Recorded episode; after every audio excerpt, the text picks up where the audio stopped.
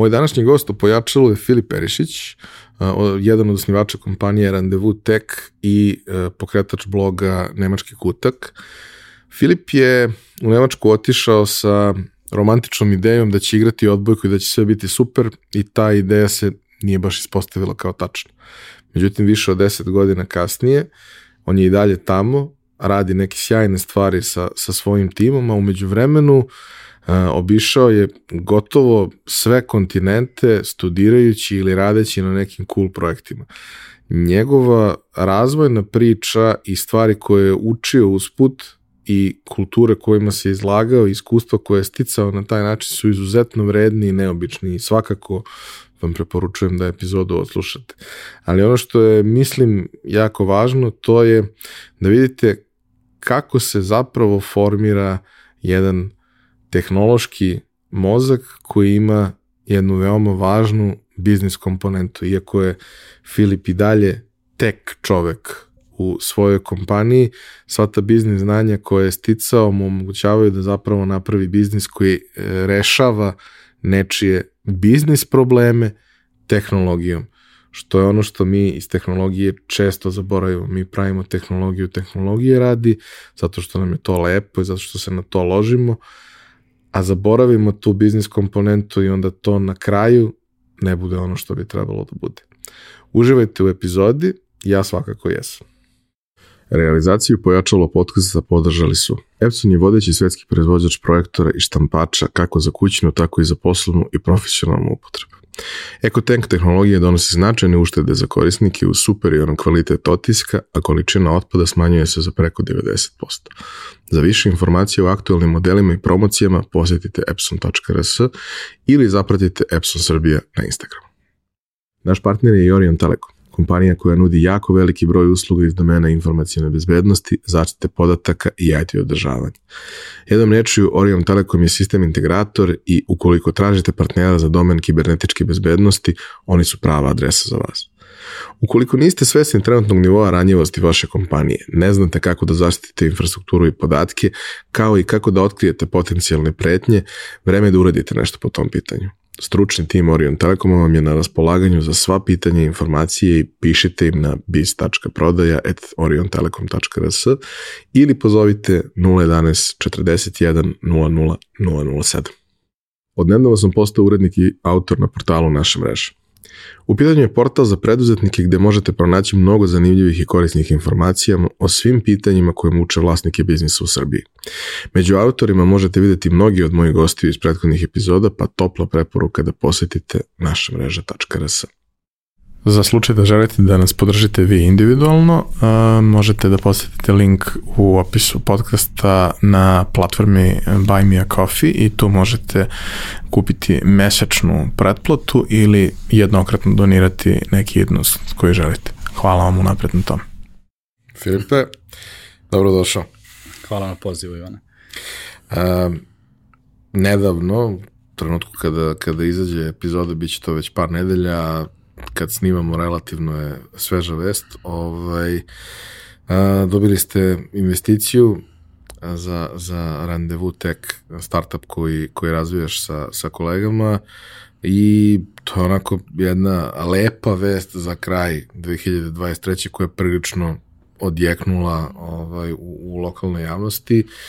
Mi smo se čuli tokom godine par puta dogovarali se, odlagali, na kraju ovaj, uspeli da se organizujemo da ovo snimimo, ali bih voleo, pošto u svemu tome što je izašlo, videli smo da postoji priča, prilično onako šturo smo dobili informaciju šta je ona zapravo, i svega toga vidimo da, da ima šanse da, da ona raste, da je vrlo potentan projekat u pitanju, ali volao bih ipak za, za sam početak da ti ukratko objasniš šta je ono na čemu sad radiš, šta je randevu tek, pa ćemo onda onaj redovan razmeni put kakav ide u pojačalo. Rado, rado.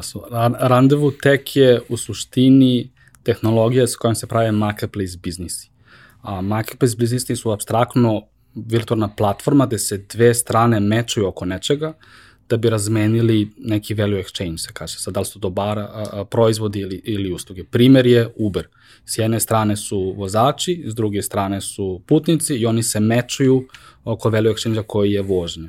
Drugi primjer kod nas, poznati ananas. S jedne strane su prodavci, firme, prodaju proizvode, s druge strane kupci, oni se mečuju tražeći proizvode koje će oni da, da kupuju na toj platformi. Treći primjer je Airbnb. S jedne strane izdevači stanova, s druge strane turisti, oni se mečuju oko tog stana koji se izdaju. Sa sam taj način mečovanja i tog velikog change zavisi od platforme do platforme samog biznisa, ali u suštini je platform biznisa se dve strane meču oko nečega i sad da bi takav se biznis razvio, treba ti naravno e, tim ljudi da razvije ceo biznis strategiju, da pridobije te ljude i firme na platformu, ali treba ti inženjerski tim ko će da razvije taj tehnički proizvod ko će to da omogući.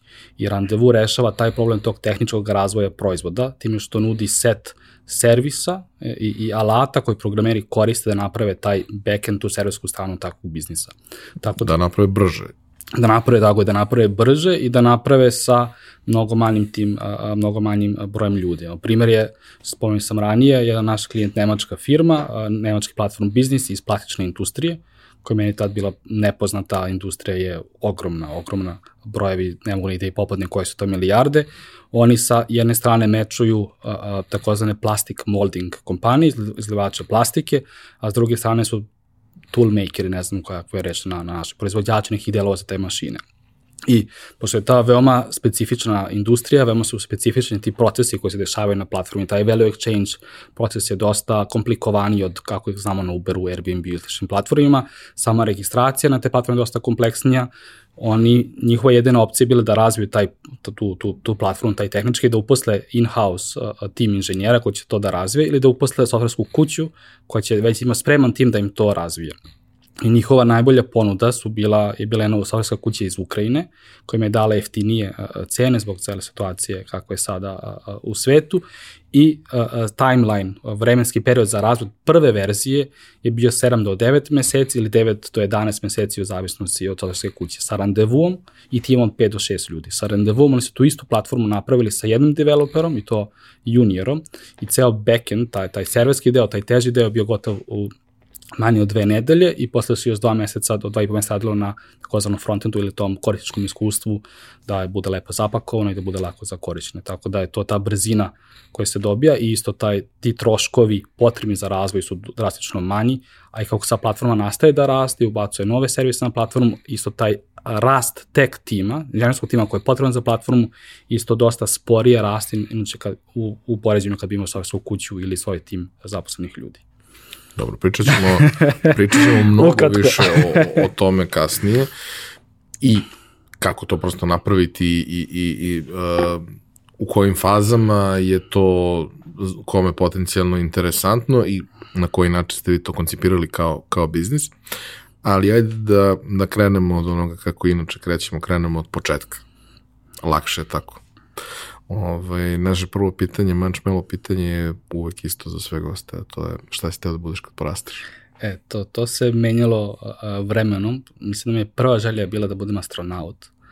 A, a, da bi se vremenom menjalo u to da budem kuvar ili da budem frizer jedno vreme, pa a, a, je na kraju došlo toga da budem odbojkaš, pošto sam se a, najveći deo a, detinjstva bavio odbojkom i to je bila velika želja i cilj. Nažalost sam u tome a, failovo, što bi se dalo a, zaključiti danas, ali to su bile te početničke želje. A što se tiče, da kažem, svega onoga što uh, je danas tvoj posao, softverski inženjering i generalno tehnologija, kako si došao u kontakt sa tim i kako ste se prepoznali? E, to je bilo sasvim, mogu reći, i, i, i dobar deo sreća. Jer ja otišao sam sa nekom kliničkom idejom za Nemačku da igram odbojku, idejom da sam ja super privilegovan da me samo svi čekaju da ćete mi otvoriti crveni tepih, eto ja dolazim i osvajam Bundesligu i sve.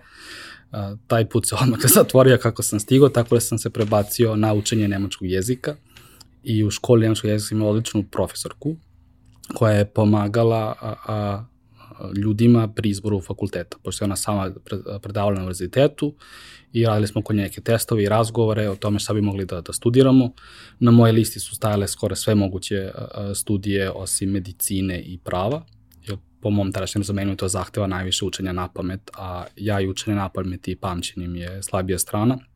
Tako da mi ona na kraju otkrila jedan smer koji je mešavina biznisa i informatike i funkcioni sistemi kod nas na fonu je dosta sličan tome, ali opet po imenu je sličan, ali u praksi dosta različit. Tako da sam sa tim smerom došao do toga, aha, ove su dve stvari koje me zanimaju, ili koje ja bar ja mislim da me zanimaju, pošto nisam imao priliku nikada ih i oprobam, ali imao sam ideo da me zanimaju. Tako sam na kraju odlučio da, da to uh, upišem i imao sam sreće. Uh, kako sam došao na faks, skapirao sam da sad razmislim, možda je bilo dva predmeta koje mi nisu bile zanimljiva. I, i toko sam imao sreću od toga da, da sam studirao nešto što me zanima i pronašao se o tome i bilo je zanimljivo i velika podrška, onako sam pogledao drugi studente, neki su ljudi koji su upali na faks, zapravo to ih ni malo nije zanimalo i njima im, verujem, bilo pakleno na studijama, stvari nešto što ih ne zanima, pod pritiskom roditelja da mora nešto da završe ili pod pritiskom društva da završe, tako da sa te strane sam ja srećem upao u nešto što me zanima na savet profesorke Nemačkog. A kako je bilo, da kažem, taj deo gde, ok, ti dolaziš i jedna stvar je naučiti nemački da se služiš, da možeš da funkcionišeš svakodnevno u društvu. Pretpostavljam da on, mlada osoba to relativno lako usvoji, ali potpuno druga priča je da, da možeš da studiraš i posebno da studiraš nešto što je inženjerstvo, ovaj, na jeziku koji nije baš toliko ni jednostavan, ni blizak svima nama, prosto ono. I ko ne zna dobro engleski, morao je da bude izložen u Srbiji engleskom za 20-30 godina života, dovoljno da neke stvari prepozna i, i, i, i može da spoji, ali nemački je već malo druga priča. Je, pa jeste, bilo je dosta zeznuto, pogotovo prva godina faksa, odnosno prvi semestar, tamo se mere faks po semestrima, ne po godinama, je bilo paralelno učenje samog jezika i samog a, gradiva sa, sa faksa, tako da sam ja vato beleške, imao ideju da sam nešto razumeo, onda posle po rečnicima i, i po daljim četima skapirao da nisam ni razumeo šta je zapravo teo profesor da ispriča, tako da je bila paklena prva godina ispratiti i nadoknaditi taj nemački, jer jedno je položiti imati diplomu, a drugo je zapravo sa tom diplomom zapravo moći da koristiš to znanje. Tako da diploma je dosta relativno brza, isto sa puno rada, a, i sa dosta super prostorkom, ali pravi nemački sam tek naučio nakon a, prve godine faksa, gde sam on, za, zagreo stolicu i, i radilo se jako. A kaže mi taj deo razlike i u gradivu i u pristupu i u svemu, ono, kada odeš na inženjerski fakultet, to i ovde kad izabereš inženjerski fakultet, ako nemaš background koji je bio uh, dovoljno jako u prirodnim naukama, dosta teško bude i sve te i matematike, fizike, statistike, sve što, što postoji. A posebno je to bio challenge ljudima, barem kažem moje iskustvo i iz razgovora i svega bio challenge ljudima koji su menjali okruženje, pa ko ode, ko ovde završi matematiku, odnosno u okviru školovanja ima matematiku, pa ode u Britaniju ili ode u Nemačku ili ode u Ameriku, obično mu treba neko vreme da se prilagodi, a nije baš posebno u tom, u tom prvom periodu kada treba negde da se dokažeš i da se nametneš da je to tako jednostavno. E, ne znam, ja sam imao tu sreće, mogu reći. Meni više je bio problem a, a, ne inženjerski predmeti poput, poput biznisa, knjigovodstva, računovodstva. Ja sam tu isto učio na nemačkom sve, a prevode naših na našem nisam mogu da nađem. I dan danas moj vokabular o, o samom biznisu je u najvećim delom nemački i engleski i sa našim uh, knjigovođima i poreskim savjetnicima pokušavam da pronađem reči na našem, a oni mi kažu nemačke uh, reči, tipa content plan. Konski plan je kao čeka, čeka, pa to ono, uh, ti, čist, čist, čist prevod, bukvalno uzeta reč iz nemačkog. A s druge strane, te inženjerske premete ja sam imao neku ruku sreće, ili jedna stvar koju sam ja, ili jedna od rekih stvari koje sam ja ponao zapravo iz škole, koje nisam nešto na redu ne išao, je bila matematika i ljubav prema matici i to mi je bilo u, u, jednostavno, ali to nije bilo da se uči toliko na pamet. To je trebalo razumeti i premeniti. Nisam ja vrstni matematičar koji sad će da izmišlja nove stvari, ali lako je bilo za premeniti i rešiti probleme koji su bili u, u, u okviru tog e, školskog gradiva. Tako da mi ta matematika na, na fakultetu išla dosta lakše, jer tu isto bilo manje a, a, nemačkog. A, a, i, I dosta stvari sam, sam prepoznao koje sam radio ranije i bilo lakše to nadoknaditi. Šta više, to mi je toliko dobro išlo da mi je profesor matematike, onda ponudio posao, a, to mi je bio prvi posao, da držim a, vežbanje iz matematike. Jer u Nemačkoj postoji oni ga zovu tutori, a koncept kod nas je to nešto slično asistentima, gde zapravo studenti drže studentima iz donjih generacija vežbanje i meni je to bila super stvar. Ja sad sam imao i problem da sam dao preteške zadatke, da, da se profesor žalio da, da mi nismo a, matematički fakultet i matematički smer, niti smo hardcore computer science, a, nego smo zapravo i sistemi da treba malo da olabavim sa a, a, težinima zadatka. A, a taj moment, mislim, pošto sam a, e, lično prošao kroz, kroz sličnu priču, od, do duše ne na fakultetu i ne u inostranstvu, ali um, ja sam odbojku obožavao. I, I dan danas obožavam da je gledam, nisam je igrao godinama, pošto malo je teško naći, prvo ni ja više nisam ovaj, u formi niti bilo šta slično. Drugo, mnogo je teško naći ljude koji znaju da igraju da bi mogli da igrate da to liči na nešto. Tako je. Tako. Ovaj, igrali smo kao odbeku na pesku, ali tu svaka razmena koja ima više od, od ono četiri udarca je fantastična jer je, jer je magija da se to uopšte desi. Tu se iznerviram da igram tako odbeku, pa, ne, mislim, ne da igraš. Uh, dođeš na servis i onda 10 puta si na servisu jer niko ne može da vrati bilo šta što nije balon, ali tako dobro. Je. Uh, odbojka, ne mene je na mnogo načina i oblikovala i, i ti ljudi koji su je reprezentovali na ovim prostorima su mi jako važni um, generalno sam sport je jako lep pre svega zato što je to od timskih sportova najfair sport tu je, je, to je faktički jedini beskontaktni sport gde ti ne možeš da na kvarno ili na silu uh, jeli, pobediš nekoga ko je objektivno bolji od tebe i podrazumeva mnogo sposobnosti timske i neverbalne komunikacije, gde vi ipak treba da se razumete, ok, ne možete svaki put da se razumete savršeno, ali morate u većem procentu da se razumete nego ona druga strana. Što sam ja igrao tehničara, pa ono, Tako na neki način si u poziciji da upravljaš svim tim. Što kad si najmlađi nije baš tako lako, ali ne znam, išlo mi je okej, okay, pa sam skapirao posle da bi mi možda i management išao okej. Okay. Ove, ovaj, šta, je, šta je za tebe prvo to značilo sa jedne strane taj ono, sportski background koji donosi mnogo nekih dobrih vrednosti za život, a onda i taj moment kao ok, to neće ići kako sam ja zamislio. Iskreno, Ne znam. Nemam neko sad pametno, neki pametan odgovor da sada neku mudrost prospem. Donao mi je dosta prijatelja a, a, i drugova koji sam dan danas a, družim. Dosta njih su i u Nemačkoj a, došli za Nemačku ili otišli za Beč. A, kako bi ga preveo na, na, na posao, tu odbojku, taj timski duh, i vođenje timova, ali ja sam odbojci bio igrač tima, nisam vodio tim da bi nekako mogo da da prenesem to znanje. Ali slažem se tom da je odbojka, ako ne jedan najvažniji timski sport, ali tamo si kompletno osuđen na svoje saigrače. Ako jedan saigrač ne, ne igra kako valja, ceo tim je pao. Ne može kao u futbolu da sad postoji jedan igrač koji će izvući celu utakmicu, da bude solo star i, i da može sam bez sadka ekipe. U odbojci je to nemoguće i s tim treba naučiti komunicirati, ali ukratko nemam neku sad veliku mudrost da izvučem iz ta dva sveta. Ti si nastavio da igraš makar rekreativno?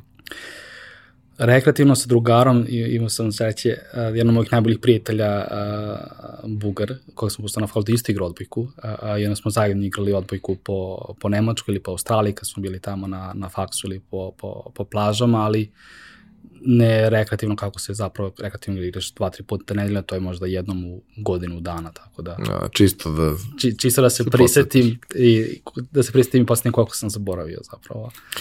E, šta su bile ključne stvari sa kojima si se sreo u toj nekoj prvoj fazi na, na, na faksu?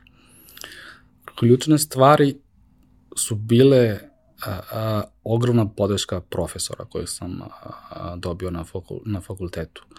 I podrška koja je došla proaktivno, znači nisam ja a, došao i tražio, već mi je ponuđena nekoliko puta dok sam se ja ohrabrio da dođem da, da tražim. Ta podrška je bila, puf, ima suludih priča. A, jedna priča je profesor bankarstva, odličan Franz Nez, bavarac sa jakim akcentom, odličan lik, dok sam mnogo njega naučio ne samo bankarstvo, nego generalno životu.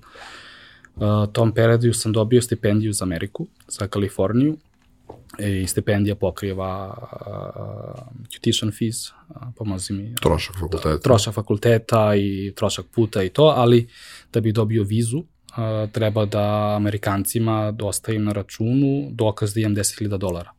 U tom trenutku je bilo oko 8.000 evra. Sada koliko dolazi i, i, i Srbije, taj novac mi je bio uh, nemoguća misija i onda sam gledao, ok, kako da rešim taj problem i kako mogu da nađem te pare. Ono je bila ideja, ideja, ok, skupit ću sa dosta strana prijatelja, da te pare ubacim na, na račun, dobijem potvrdu od banke, pa posle vratim, ali ako to ne uspe, treba se naći dosta prijatelja, studenta koji zaprima taj novac, a plan B, ajde da vidim kako da uzem kredit iz banke, ali nikad nisam uzimao kredit u, banci, kako to ide i kako šta, šta treba da radim. Sam zakazao uh, konsultacije sa, uh, sa Francom. Francezom da ga pitam za savet, uh, kako zapravo se uzima kredit, što treba da kažem, što treba da pripremim, da ne bi ispod tamo glup kad odem, pogotovo je moj nemački tad još bio dosta uh, u razvoju, što bi se reklo. Da bi me na, na kraju Franc pitao, ok, a zašto, šta ti treba, koja, koliko para ti treba, da bi on objasnio neko, aha, čekaj, ajde ovako, um, kao, ajde prvo uh, uh, raspitaj se uh, uh, koliko dugo će ta banka novac da, da zadrži, I kao, ne, ne, ne, kao, ipak ovako, aj daj mi tvoj, kako se zove, broj računa, a, a da ti ja prebacim te pare, pa će mi ti vratiti. I molim. I kao, da, da, da, kao, a, samo mi upiše tvoj IBAN, to je a, a, ja, ja. broj računa, pa će ja te pare, pa će da, da, da ti vratim. Ja kao, čekaj, nisam sigurno da se razumijem, mi te novac. I kao, da, da, kao, nema, nema problema, imam poverenja u tebe. A, a, samo se raspitaj do banke koliko će dugo to da traje Znači, kad ja brojam koliko dugo mogu da očekujem da će a, a, a, banka se drži, da može vi pratiš taj novac nazad. I tako se ja raspitam, bilo nekih dve i po nedelji, javim ko super, to je to, javim datom kada ti prebacim novac.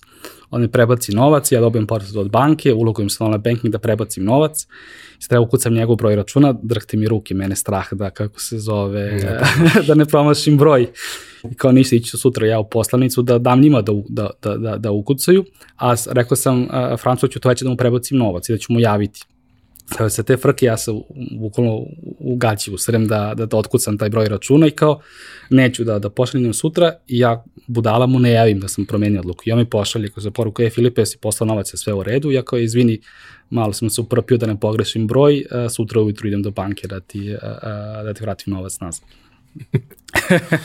Tako da, to je jedno od, od priča da su ono profesori došli i bez da sam ja tražio pomogli ili preporuke um, za poslove da te preporuče u, u, u raznim firmama da kad neko zapošlja, naravno oni toga im što imaju benefit, ali dobio tih firma isto neki uh, referral bonus, ali opet proaktivno ti ponude da li hoćeš zareš na fakultetu, ima otvorene pozicije da hoćeš da držiš vežbanja, tako da sam već nekoliko, uh, tokom faksa držao vežbanje iz nekoliko predmeta na inicijativu profesora koji su rekli hoćeš da radiš, jer ako super, jer bukvalno ono što si učio tokom faksa sledeće, sledećeg semestra monetizuješ. Radiš jedno te isto, prepričaš šta si već naučio i dobiješ pare za to. Nikad lakših para. A šta je bilo, da kažem, u, u tom procesu, kako su se odvijale stvari nadalje, pošto se svašta nešto izdešavalo? e, ono što se dešavalo, sad sam bio u tom gradu Karlsruhe, to je na jugozapadu Nemačke, blizu Strasbura, to je onako inženjerski grad, baš inženjerski grad, ima dosta univerziteta, ali u nekoj statistici tada je 70% studenta su muškarci. I, od, i, i pošto većina inženjeri, dosta njih ne zna da komunicira, a, a lepo i bolje komunicira sa mašinama nego sa ljudima, društveni život nije toliko sjajan, pogodak dođe iz Beograda, klubing tamo i, i ono što, stolica kulturskih i studentske žurke. Ono, glavna studentska žurka je studentska žurka koja organizuje učiteljski fakultet, ali tako navodno ima riba, onda odeš na tu žurku, ima dve žene otprilike i, i sve ostale muškarci koji ono ko, ko lavovi skaču na te dve žene, a te dve žene kad dođe iz Beograda liče na, na ružne muškarce otprilike. Tako sam ja gledao kako mogu da, da, da izađem iz tog Karlsruhe. Ako mi prijao fakultet, ako mi prijao studije, gledao sam da i nešto drugo obiđem i tako je došla prva mala stipendija za malu razmenu u Grčkoj, a, a, gde sam imao priliku da odem u Larisu, Posle toga je došla priča za um, Kaliforniju, gde mi je Francu malo pre pomenuti pomogao oko novca, posle imao priliku da mi na Tajvan na studije. Svi isto bila jedna oskočna daska, Nemačka, odnosno Nemački univerziteti su odlično povezani sa ostatkom sveta i ima veliki broj stipendija gde oni stipendiraju ljude da odu na razmenu. Tako da sam ja gledao da uvotim svaku takvu priliku i to me na kraju odvalo i do Grčke, Amerike, Australije, Tajvana, Rumunije i možda još koje države, ako se dobro A šta podrazumeva, da kažem, taj set aktivnosti, pro koliko drugo ostaješ, šta radiš tamo? Da, so, sad zavisi od te, te, te, tih razmena, imaju razmena gde si uh, pola godine i imaš uh, 4 do 5 ispita koje moraš da, da ispolažeš, a to naravno pre konkurisanja za stipendiju mora da ugovori sa tvojim fakultetom i sa onim fakultetom da je to u skladu tvog uh, programa, a postoji kraće razmene koji su intenzivne razmene, to su mesec dana, da imaš jedno ili dva predavanja intenzivno koji posle ispit koji mora da polažiš i onda te isto bodove možeš da, da prevedeš i da mapiraš na neki tvoj program. Samo naravno pre konkurisani to moraš unapred da pronađeš profesora koji će to da prizna da je to ekvivalentno, da potpiše, da potpiše razni ugovori i onda dobiješ tu priliku zapravo da sve to o trošku nemačkih poreskih obaveznika, rekao bih. A je li uobičajeno tamo da, da ljudi obiđu pola sveta tako? Pa u mom krugu prijatelja jeste. U mom krugu prijatelja jeste i, i, i pogotovo pošto, pošto postoje dve vrste takvih razmena. Postoje vrste razmena gde ljudi idu jer je fakultet uh, odličan i, i, i dobre lokacije poput Melbourne u Australiji ili Kalifornije u, u Americi, a s druge strane i onda tu teže dobiti uh, neko mesto. Postoji druge opcije da fakultet nije toliko dobar, ali opet teže dobiti mesto, te tipa Bali odeš na Bali na, na, na razmenu ili na Tajland ili tako neka mesta gde su manje više za, za odmor i postoji treća krubacija gde je ok univerzitet i ok mesto, tako da u zavisnosti, ako tebe zapravo zanima, veoma vratno možda nađeš neku razmenu koja će ti biti uh, pokrivena. Šta ti je tu bilo? Izvim se te prekidam, čak postoji programa, uh, uh, studija gde je tebi obaveza da odeš u inostranstvo. Znači ti ne možeš da dobiješ, da završiš, da ne možeš da diplomiraš bez da si otišao na neku razmenu negde.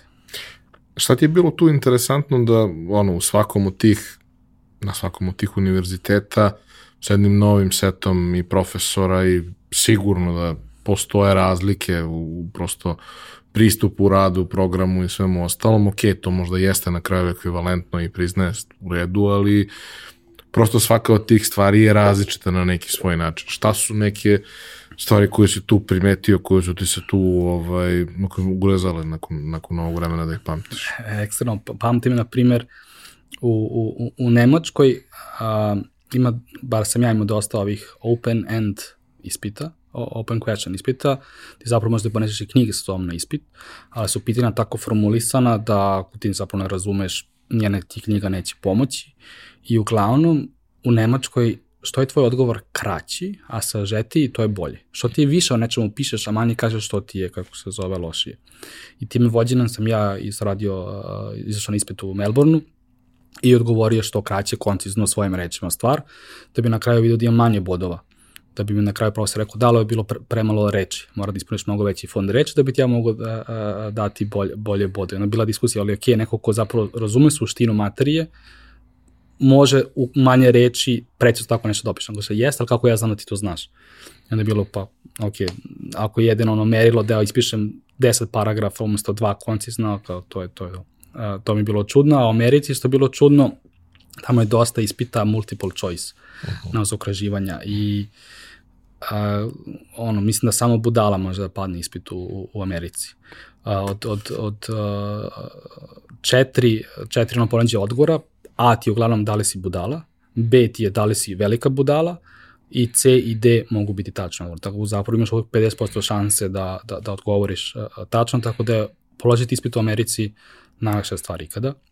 Ali dobiti dobru ocenu u Americi uh, nije lako, jer ti treba uh, ogroman broj tačnih multiple choice odgovora, a neki su dosta triki. Tako da mora zapravo da oni vode dosta pažnju na tome kako je nešto formulisano u knjizi, pa ako ti nisi čitao takozvani textbook i ne prepoznaš koja je reč treba, onda dobiješ negativni pojam. Tako da to je bilo zanimljivo i bilo je dosta zanimljivo na, na Americi mindset ljudi koji sam tamo upoznao. Mindset ljudi i mindset profesora. Imao sam jednog vrhunskog profesora marketinga uh, i to isto bilo čudno predavanje, su bila uveče od pola devet do deset znači, ono, ceo dan kad odeš na, na, fakultetu, imaš ono kampus, imaš uh, teretanu, imaš bazen, odeš, plivaš, zableješ sa društvom, onda učiš na predavanjika.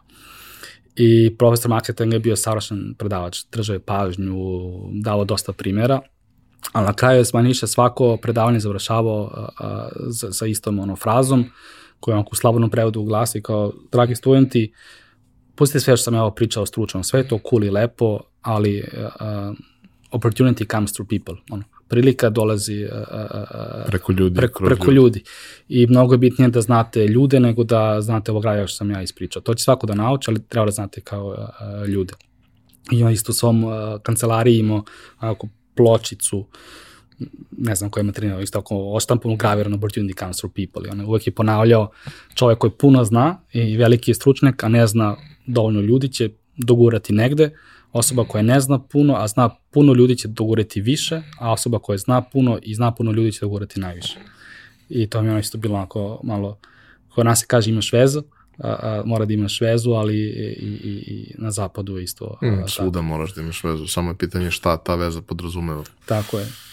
A, dobro. A, super zanimljivo i a, slažem se, baš ovaj, smo imali neke priče na tu temu kako suštinski sistem jeste dizajniran tako da ti jako teško možda padneš ispit.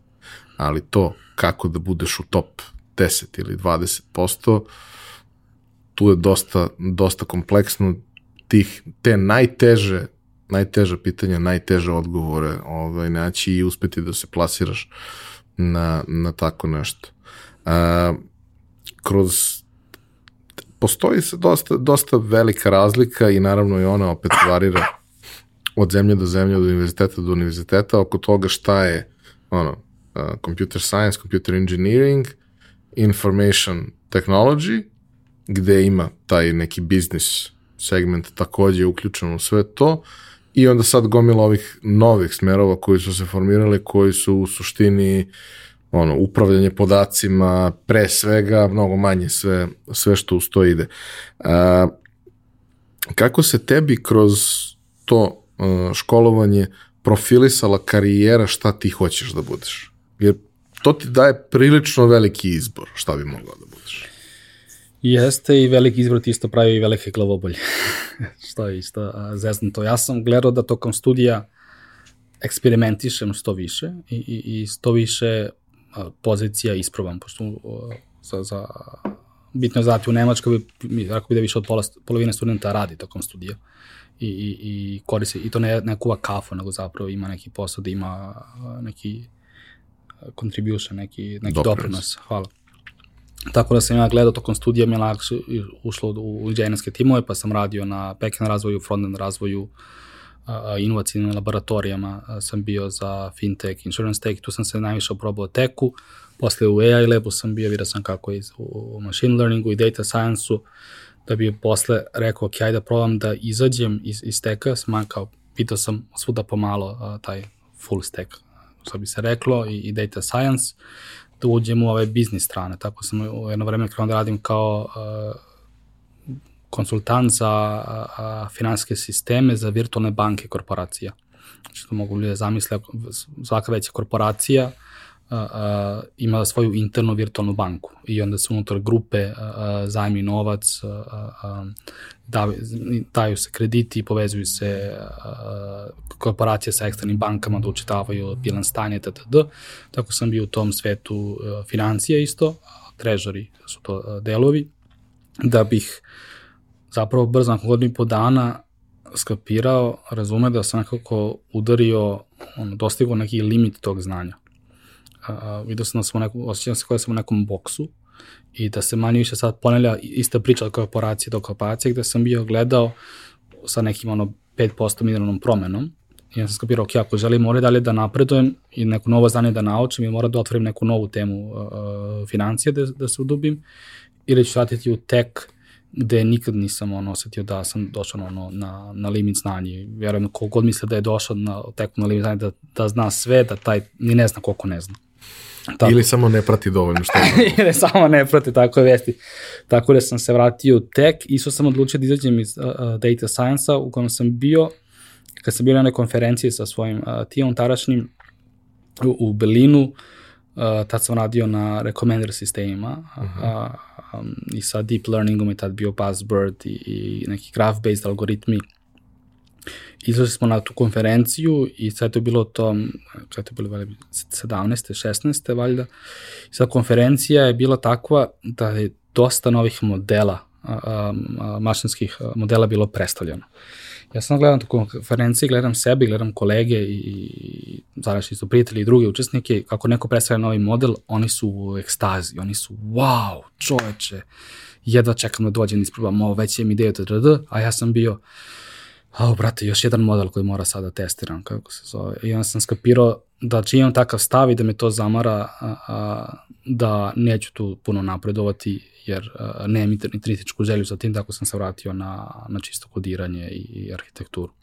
Um, ono što mi je super interesantno iz prakse, ovaj, u jednom trenutku pre tako 7, 8, možda i 10 godina, kod nas svakako kasnije, ali upravo recommendation engine su postali jako važna stvar, jer zašto su oni važni, šta oni u suštini rade, oni u suštini ti ne znam, na, na e-commerce shopu preporučuju koje proizvode treba još da pogledaš uz proizvod koji gledaš ili na sajtu za nekretnine, koje nekretnine su možda slične koje treba da pogledaš ili na sajtu sa člancima koji sledeći tekst treba da pročitaš i sve koji ostalo. Koji film na Netflixu da pogledaš? Bukvalno sada postoji u svakom aspektu naše, naše živote, kao zašto, i ne znam, na YouTube-u i svemu drugom, kao, i dobro, zašto je to važno? Pa zato što je to način da te zadržim duže, a jeli, pažnja je valuta kojom najviše trgujemo u poslednje vreme i kao to je jako bitno. I sad sećam se, um, prijatelji moji u okviru jednog projekta na kome su radili, koji je zapravo jako za naše uslovi izuzetno veliki i važan i tako dalje, su uh, postojeće rešenje koje su imali, koje je bilo vrlo rudimentarno, koje je na osnovu, ono, ne znam, dve taksonomije koje postoje, davalo preporuke koje su prilično brod, ali kao rade posao. Uh, zahvaljujući ovaj, ulazku u, u jedan ozbiljniji sistem kroz, kroz dokapitalizaciju, dobili su mogućnost da testiraju nekoliko sistema koje oni koriste, da ih testiraju free, a onda da ih dobiju po nekim vrlo vrlo povoljnim uslovima u odnosu na one neke komercijalne koji su dostupni. I oni su testirali tri recommendation engine na njihovoj bazi i svemu tome i njihov onaj rudimentarni je imao tipa četiri puta bolji performans od prvog sledećeg. Pa, pa. I ti onda shvatiš suštinski da vrlo često to što uzmeš više stvari u obzir da bi dao neku preporuku, ne znači da je ona bolja. Možda je ona matematički bolja, ali ljudi se ne ponašaju isključivo kao matematički modeli, statistički modeli. I to je ono potpuno kao wow, I onda kad analiziraš šta ko radi, koja platforma ima šta za cilj, ovaj, taj moment da kao neko želi da uh, ti budeš što srećniji tu, da budeš što zadovoljniji, da, ti, da u proseku si, da u proseku te pogodi 99%, a neko samo želi da provede što više vremena. To su, to su optimizacije po potpuno različitim KPI-ima. Totalno, totalno. Ove, ja, super, mi je, super mi je zanimljivo kako se, kako se to sve razvija i koliko često zapravo to gomila buzzworda i tehnologije i, i, i, i potrošenog clouda na kraju da rešenje koje je inferiorno u odnosu na ono neko jednostavno. I, i koliko ljudi izgube taj, taj, taj biznis cilj, ta, taj zapravo svrh zbog čega ti praviš taj sistem, a, taj rekomendar i onda ga nagrobuje sa brdo a, a, noiza, buka umesto signala i potroše, što kažeš, potroše uh, serverske resurse, potroše vreme, a na kraju rezultat uh, ni malo bolji. Ja se sećam prvi put kad sam se sreo sa, sa pojmom uh, data mininga, kao dobro, kao šta je problem? Pa kao problem je što imaš big data. Dobro, imaš nešto, pa kao ne, ne, ne imaš nešto, nego imaš uh, on, gigabajt, terabajt podataka, pa dobro, čemu služi data mining? da izvučeš iz toga ono što ti treba, ono što ima smisla. Jer imaš sve podatke ovog sveta i ako uzmeš tri pogrešna podatka, ti ćeš doći do pogrešnog zaključka. Tako je, shit in, shit out. I ono, kao kad to sagledaš na taj način, prilično je mind blowing. Ovaj, naravno, postoje i modeli i gomila nekih dobrih praksi na koje možeš da se osloniš i uvek ako ne tražiš da izvučeš ono i, i poslednji mililitar iz tog tetrapaka, postoje relativno laki način da ti dođeš do nečega što je overall Tako dobro. Je. A izlačenje poslednjeg milimetra ti 99,9% ne treba u prvom koraku. Ne treba ti verovatno nikad, ali Tako je. kad si u nekom vrlo kompetitivnom marketu, onda to može da pravi neku, neku vrstu razlike. Tako, da dosta ljudi se, ja sam bio takav ranije, od početka hoće da ima i taj posljednji gutlja iz tetrapaka, a zapravo je moglo mnogo brže i jednostavnije da se reši problem da se ide dalje do sledeće faze. E, Kako ti se dalje e, razvijalo interesovanje nakon što si shvatio da ovo nije za tebe? Pa ništa, vratio sam se u, u, u tech i ono što se isto desilo kad sam bio u Kaliforniji, dano sam prvi put i čuo za startupe i, i, i u sebi prepoznao preduzetnički duh. Jer ja sam isto primetio i tek sam ta, zapravo naučio da, argument, da artikulišem, ne da, argument, da artikulišem ta interesovanje u sebi, Uh, uh, jer kako je bilo u Nemačkoj, kad pričam sa kolegama u Nemačkoj, šta će raditi nakon faksa, koji su ti planovi, manje više 99% planova je bilo, ode gde sad radim, ostaću tamo, uh, uh, uzimam kredit za kuću, kupujemo kuću, otplaćujem kredit i vikendom pravimo piknik uh, To, to sa porodicem. 40 godina radim tu. Tako i... je, i, i to je manje više ono the, the German dream, kako ga ja zovem. Sad, m, nema ništa loše u tome, to je isto skroz ok, uh, skroz ono sasvim uh, i ok filozofija, ne, mislim da je glupo pljuvati po tome, ali se ja u tome nisam prepoznao, ja sam bio ok, ne prepoznajem se u tome, nekako mi no, gut feeling u stomaku mi se nekako prevratalo, što, što je bio razlog da idem iz Kalsruhe dalje. Tako sam završio u, u Americi, u Kaliforniji, tamo je bila priča raditi nakon faksa ili nakon faksa, pa ne znam da li je bilo dve osobe koje već nisu nešto svoje pokrenuli. Već imali neki svoj biznis, već su nešto a, a, a, a, testirali, već su negde failovali dva, tri puta, već nešto novo pokreću. I meni ono prva, nevjerojatna priča moje cimerka, ona je bila prva godina faksa, u srednjoj školi igrala vaterpola. Sad možda zamisliš ono nivo vaterpola u Americi, koja kaže u Srbiji igraš badminton, ono. Ako se ne udaviš, to je to, dovoljno si, možeš da prođeš u ekipu. I sad taj deo Kalifornije, Southern California, uh, južno od LA-a, to je kao drugi najbogatiji county uh, uh, pokrajina ili deo Amerike. I to je tako organizovano da je tamo skoro pa nemoguće da ti na neki način nemaš svoj bazen. Ako imaš, ako, ima, ako živiš u kući, imaš svoj bazen. Ako živiš, ono ih zovu gate, gate community, to je veoma slično, skoro isto kao i uh, Business Garden kod nas, Central mm -hmm. Garden, samo što u, u, u tom community unutra još imaš i bazen i neke par, barbecue mesta. Sad šta se dešava, isto u toj Kaliforniji distance su ogromne, tako da percepcije za short ride, za kratku vožnju je 30-40 minuta. I sad se dešava da roditelji voze svoju decu na plivanje, u školu plivanja. I imaš short ride, 3-40 minuta do škole plivanja, pa sat, sat i po dva dok prođe taj čas plivanja, pa short ride nazad, tako tri puta nedelje hoće ti 12-13 sati uh, nedelje ti ode samo da odreš dete na plivanje. I sad Caitlin u prvoj godini skapira zašto ti roditelji ne bi učili čoveče u svom bazenu decu da plive kad se već imaju bazen. I ona je organizovala tada je već, to je bilo nakon koliko 5-6 meseci poslovanja, ceo svoj vaterpolo klub je uposila, oni su držali privatne časove plivanja deci u bazenima roditelji, oni samo menadžerisali posao. I tada je, ako se dobro sećam, oko 30-33 hiljade dolara pravila promet mesečno. Kad mi ispričala tu priču, ja sam onako bio onako puf, kao čekaj, stani, imam 600 miliona pitanja, a moje prvo pitanje je bilo dakle tebi dozvola ti pokreneš svoj biznis. Te ona mene gleda, kao čekaj, ka, ka, šta, šta si me pitao, kao, pa dakle ti dozvolim, kao, kako je dozvolo, čemu ti... Ausweis. da, kao, čemu pričaš? A ja, ono, nisam imao prilike ranije da upoznam koji su pokretali svoje biznise, ovih sam, ono, u, u, u, slušao ili ba znam ljudi u Srbiji koji su nešto, nešto napravili, to bili neka muljaža ili neke pođene sadrža, nema, ili bar ja ne, ne znam dovoljno naši ljudi koji su nešto napravili sa svojim zaslugom i nešto stvorili, ne, su zapravo nešto napravili. Onda mi to isto bilo kao prvo pitanje, ona me gledala kao, ok, Filipe, Šta nije u redu sa tobom? Let, le, da, let's talk. Ajde sedno. I on tipa drugi kolega s faksa je pokrenuo, on je to zvao kao konkurencija Starbucksu, samo je bila ideja da se piju čajevi. I sve je bilo kao ti, ti base, piješ ovaj ti, onaj ti, to je kao bila, bila fora, otvorio već drugi lokal, nije mu to ko išlo dobro, ali on je to otvorio, on, on je tada bio koja treća godina faksa, ja sam bio kao wow čoveč, pa sam od njega ponučio. Drugi, tako, svih ljudi sam gledao nešto da pokupim, i zapravo skapirao da ono što sam ja radio a, a, u Karlsruhe, pokušavao da organizujem neke ekipe da nešto pravimo i da u tom pravcu samo je falila ta komponenta da to treba bude i biznis.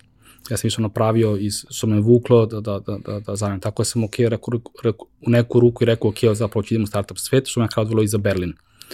Jer a, je Berlin ta startup scena a, a, Nemačke. O i Evrope dobrim delom, I, kontinentalne Evrope definitivno. I kontinentalna Evropa, tako je, jeste.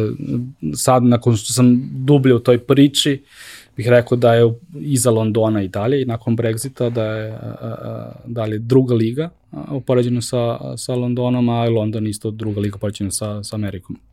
Ja sam tako završio u, u, u Berlinu i tamo sam ošao na master koje, podrazu, koje je s jedne strane opet u bukvalnom prevodu informacione sistemi, ali zapravo s jedne strane, strane biznisa je bilo preduzetništvo, a sa strane uh, computer science je bio machine learning.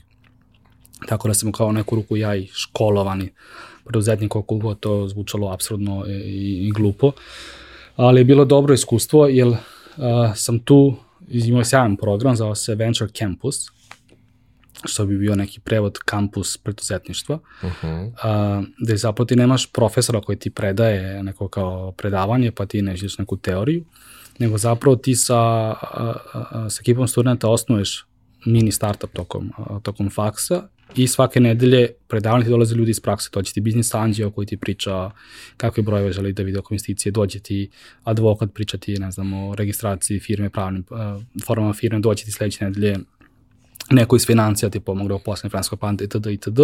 da bi ti na kraju tog programa zapravo pičao pred investitorima i dođu i investitori, investitori dođu i biznis anđeli iz tog programa zapravo i nastaju uh, uh, startupi.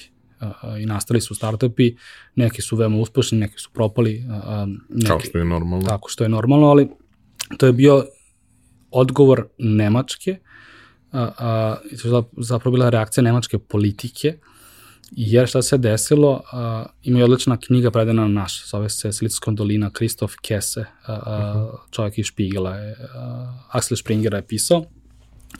U to neko vreme, mislim, je to bio kraj oko 2007. 8. Nemačka poslala delegaciju u, u Ameriku, uh, političku da proveri, ok, zašto ceo ovaj 21. vek i ceo ovaj tek dolazi iz Amerike, a, a cela nemačka industrija je onako 100 plus godina stara i, i, i nema tih nekih inovacija.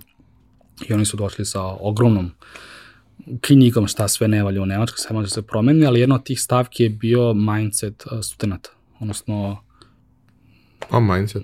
Mentalni sklop, ne znam kako da, ga pre, mi, mi ono razmišljanje, ono, studenta. I to je bukvalno što sam, kad sam to saznao, sam tačno to proživao na svojoj koži. I onda je bila politika Nemačke, Nemačke da pri univerzitetima otvaraju te neke preduzetničke škole, škole da pokušavaju da, da gurnu studente i da, im, da ih par izlože tim stvarima. Tako su otvorene dve startup škole, po znacima navoda, u Berlinu i Minhenu.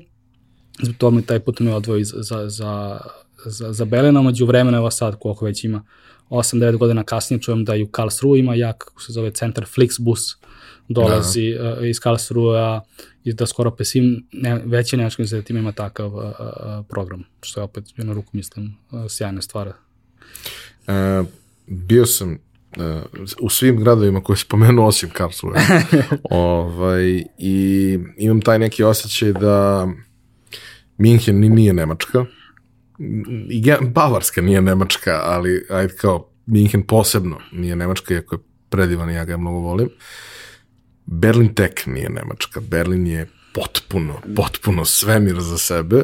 Iako ga ono, ko nije pratio šta se dešavalo u poslednjih 20 godina, on ga i dalje doživljava kao ono da, da. centar e, carstva i svega ostalog, ovaj, zapravo da, ok, postoji i dalje Bundestag, odnosno Reichstag i sve to, sve to super, ali vrlo blizu je sve mnogo drugačije, šarenije, gentrifikovanije, ima neku neverovatnu energiju koju ne mogu da kažem da mi se uvek dopada, jel? Ove, ali jeste jako posebno, jako posebno mesto. Sad, kako je to tebe bilo? Ti si video, što se kaže, video si sveta, a bio si i u Nemačkoj već neko vreme. Kako je tebi ono, kulturološki bio šok kad si, kad si prešao tamo?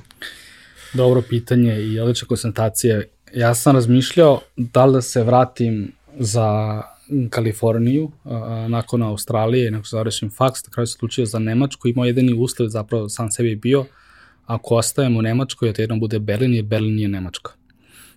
I, i, i, i kako se zapravo sam bio i na jugu Nemačke u Ingolstadtu, to je sad vreme iz, iznad uh, Minhena da se, da se pravi Audi, dakle Audi mm. centrala, bio sam po, po Švabi, da da dolaze Švabe, podgrupa Nemaca, bio sam u zapadnoj Nemačkoj i iskapirao sam da Berlin i Nemce koje ja znam u Berlinu su totalno drugačiji, da je, želim da ostanem u, u Berlinu. Ono što, se, ono što je tužna priča Berlina je da je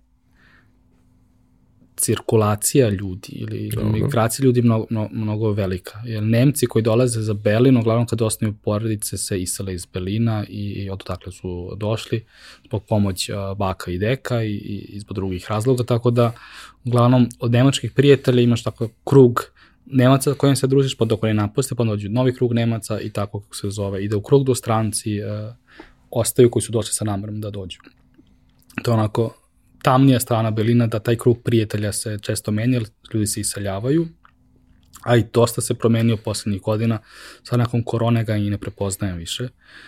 Dosta se onako unazadio, bih rekao, GSP je dosta poklekao, pre Berlin bio na najboljih GSP-ova koji sam znao da postoji na svetu pored Tokija, koji je bio ono, zanimljivo veći, ali nisam znao ni jedan drugi grad da ima tako dobre i stabilan GSP je krenuo da stalno su neka kašnjenja, stalno nešto fali, uh, stalno neki problemi, parking mesta, infrastruktura nisu ispratili uh, rast ljudi, uh, koje, rast seljenika za Berlin, stanovi su veoma teško, teški za, za pronaći.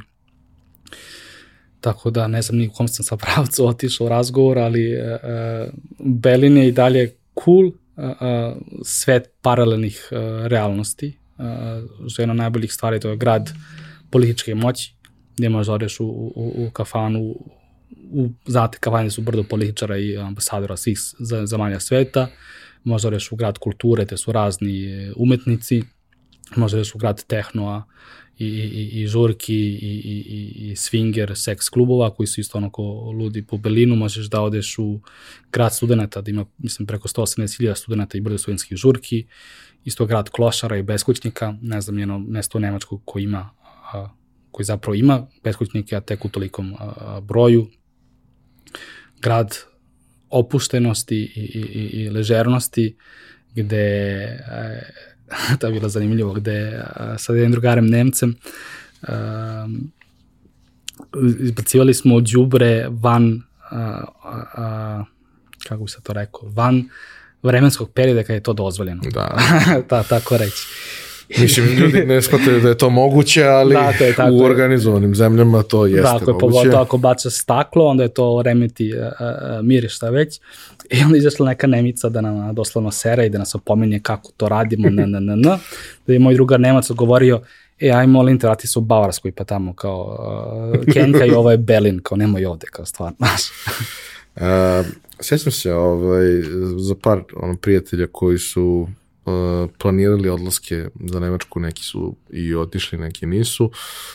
Uglavnom su gledali Minhen i Berlin kao, kao destinacije, ovi mlađi uglavnom Berlin, ovi stariji uglavnom Minhen i, i u oba slučaja je bio isti set problema koji se u suštini najviše svodio na to šansa da nađeš stanje nula.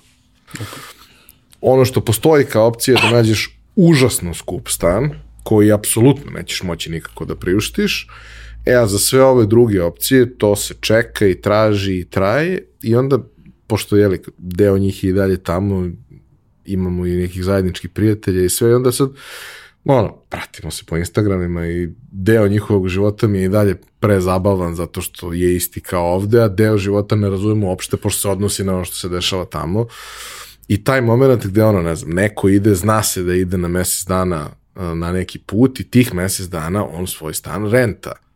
I kao, ne oglasi neki nešto, nego stavi na Instagram i posle tipa ono dva sata samo napiše kao to je to, kao nije, nije više dostupno. Kao, šta se desilo za dva sata? I onda shvatiš kolika je zapravo potražnja za, za svim tim i koliko jeli, ovi ljudi koji idu gledaju način da offsetuju sebi taj trošak, hvala Bogu, ali koliko ljudi zapravo čeka mogućnost da makar mesec dana ono, ima svoj mir. Tako je. Da ne živi njih 14 u, u jednom velikom stanu. Tako i da na tih mesec dana iskoristi zapravo da, da traži stan ili je lakše kad si na licu mesta pa može da se, da cimaš, da me sad posjeća, ja sam se uh, toliko dugo u Nemačkoj sam neke stvari prisvojio, sam zaboravio da znacima navoda nisu normalne, su tamo za Nemačku, a to je to, a kad ideš negde da podzakupiš nekom svoj, svoj stan, kako sam svoj supruzi predložio kad budemo bili na duži period uh, uh, išli za Srbiju, zajde da podzakupimo uh, naš stan nekom. I onda je to bila zanimljiva diskusija sa kako šta to misliš, uh, ko bi to radio, kako to da radimo, to su stranci. Sram te bio. Da, da, da. Dakle sam ja totalno zaboravio kao, čekaj, to nije običajno kod nas i kako se zove, na kraju, nakon godinu i po dana smo uspeli to da, da uradimo sada. A, kaži mi, u kom trenutku ti ovaj, ok, shvatio si da preduzetništvo jeste put kojim želim, želiš da ideš, ali nisi mislio da ti treba možda još nekog praktičnog znanja iz, iz industrije ili si krenuo već da nešto kombinuješ svoje? I kako je prosto to teklo? Pa krenuo sam zapravo, prvo je bila sa ovim drugarom Bugarom, kako si pomenuo sa odbojkašem, i on je isto bio u tom gasu, kako bih sada rekao. Tako su mi zajedno osnovali tu ekipu na tom venture campusu i zapravo uh, i pobedili kao najbolji, ne znam, pitch i dobili uh, interesovanje anđela koji su da, da, da investiraju i onda bilo ko zapravo će da idete ili da neće, jer krećete ili ne krećete. Da bi otišao do, do imigracijonog i onda mi je rekli, ah, pa ti ne možeš ovo da radiš, ti si non-EU građanin, imaš studentsku boravišnu dozvolu, ne možeš da pokrećeš, kako se zove, svoju firmu, mislim, možeš da ostaneš firmu, ali ne možeš da radiš, na, na, na. tako da džabe mi firma na papiru, ako ne mogu da radim ništa skoro toga, tako da sam tu bio blokiran, da je to bio prvi ono test, da li zapravo želiš da radiš to, to ili ne. Ovi anđeli su bili odmah pa, naš, nemaš ti da reš kao sa strane to ili je to full time ili nije, sa strane onda ide faks, da bi umeđu vremenu dobili stipendiju Jortak i ja za Australiju, da smo za Australiju i tu ideju uh, batalili. Posle kad sam se vratio, uh, sam nastavio da radim full time, bio sam dosta dugo u SAP-u i sa strane sam osnovao svoj mali marketplace biznis i tu sam prvi put osetio probleme koje zapravo imaš pri pokretanju marketplace biznisa sa strane teka i počinio sam sve moguće greške koje se mogu a, počiniti kao a, first time a, founder i da bi na kraju a, a, gledao da to radim paralelno dok sam radio full time, dok a, ne rešim a, stvar sa boravično dozvolnim papirima, tako da mogu da odem a, full time u preduzetništvo. I šta se desilo sa drugarem, Alejandrom Orlićem, inače idejnim tvorcem Randevua, osnivačem Pente, možda mnogi znaju uh mhm. -huh. Penta banku, zajedno sa Lavom Odorovićem. Uh mhm. -huh. u jednoj šetnji mi je on spomenuo kako sad radi na onom marketplaceu za off-market real estate. To su uh, nekretnine koje nisu na tržištu u doslovnom prevodu, to je tipi ako kupuješ zgradu, znači ti ako kupuješ ono celu zgradu, ne stoji na halo oglasima, e, prodajem moju zgradu za 5 miliona, ovo su uslovi, ili prodajem Marakanu, prodajem ovo, to su te off, off market real estate, gde je pravio uh, tehničko rešenje za, za, za taj startup i onda je rekao, poželio se kao čoveče, kad sam pravio 99. 2000. u Čileu, uh, marketplace site za polovne automobile, skoro iste tek probleme imam 20 godina kasnije, iako je industrija skroz drugačija i ako je biznis skroz drugačiji, opet moram da ismišljam toplu vodu, da neke stvari, mora da postoje neko ono bolje rešenje kako to tehnički da se uh, reši. Ja sam ono, mogu da relatujem, da se ono, uh, relatujem Jasno. Pois, pa, fali mi naš jezik da, da to bude da preciznije. Da se povežeš sa tim, da se asociraš. Da, da se asociram sa tim. Ja sam sam mišljao to pologu sa svojim tekom da bi pokrenuo svoj marketplace, tu izgubio dosta tehničkog vremena koji niko ne ceni na kraju od, od samih biznis korisnika i u SAP-u sam pravio marketplace rešenje. Tako da sam razumao potpuno o čemu priča, ali nisam imao ideju kako to rešiti. Mislim, ok, cool, ali kako to tehnički rešiti, nemam predstavu. I onda, nakon par ono razgovora, skapirao sam koja je ideja i onako kliknulo mi kao čoveče, sjajno, sviđa mi se. I onda je bilo kao će da pravimo ovo zajedno, šta misliš? Krenuo smo malo da validiramo tu ideju i rekao to je to, to je prilika koji sam čekao da uđem full time, jer sam sedio papire, uh, tadašnja devojka, sadašnja supruga mi je ono, dala podršku i tako je krenuo, kako se zove taj lud put u sred korone, izlazak iz korporacije gde ima dobra plata, safe job, ne toliko puno stresa, u, u, u startup svet gde ima svega a, a, osim safety-a. e, u momentu, ovaj, dakle, kada, kada smo se konačno dogovorili da dođeš, uh, izašla je ta informacija da ste uh, dobili uh, investiciju um, i naravno to pričamo o nečemu što postoji već se razvija nekoliko godina, nije to ni prvo, ni, niti bilo šta. Ovaj, ukoliko ta priča bude uspešna, krucijalno je zato što je rano, ali naravno mnogo koraka još mora da prođe da bi, da bi se tu sve desilo ovaj, kako treba, ali suština jeste da ste se vi uhvatili u koštac sa prilično kompleksnim problemom i raznovršnim setom problema. Dakle, ne rešavate jedan problem u glavu, nego rešavate mnogo različitih problema sa nekim rešenjem koje bi trebalo da bude u suštini alat koji bi trebalo ljudima da optimizuje i skrati taj proces kao što si na samom početku rekao. E sad, siguran sam da je to od starta do današnjeg oblika i variralo i da je tu bilo raznih i, i, i nedoumica i lutanja i pivotiranja i svega.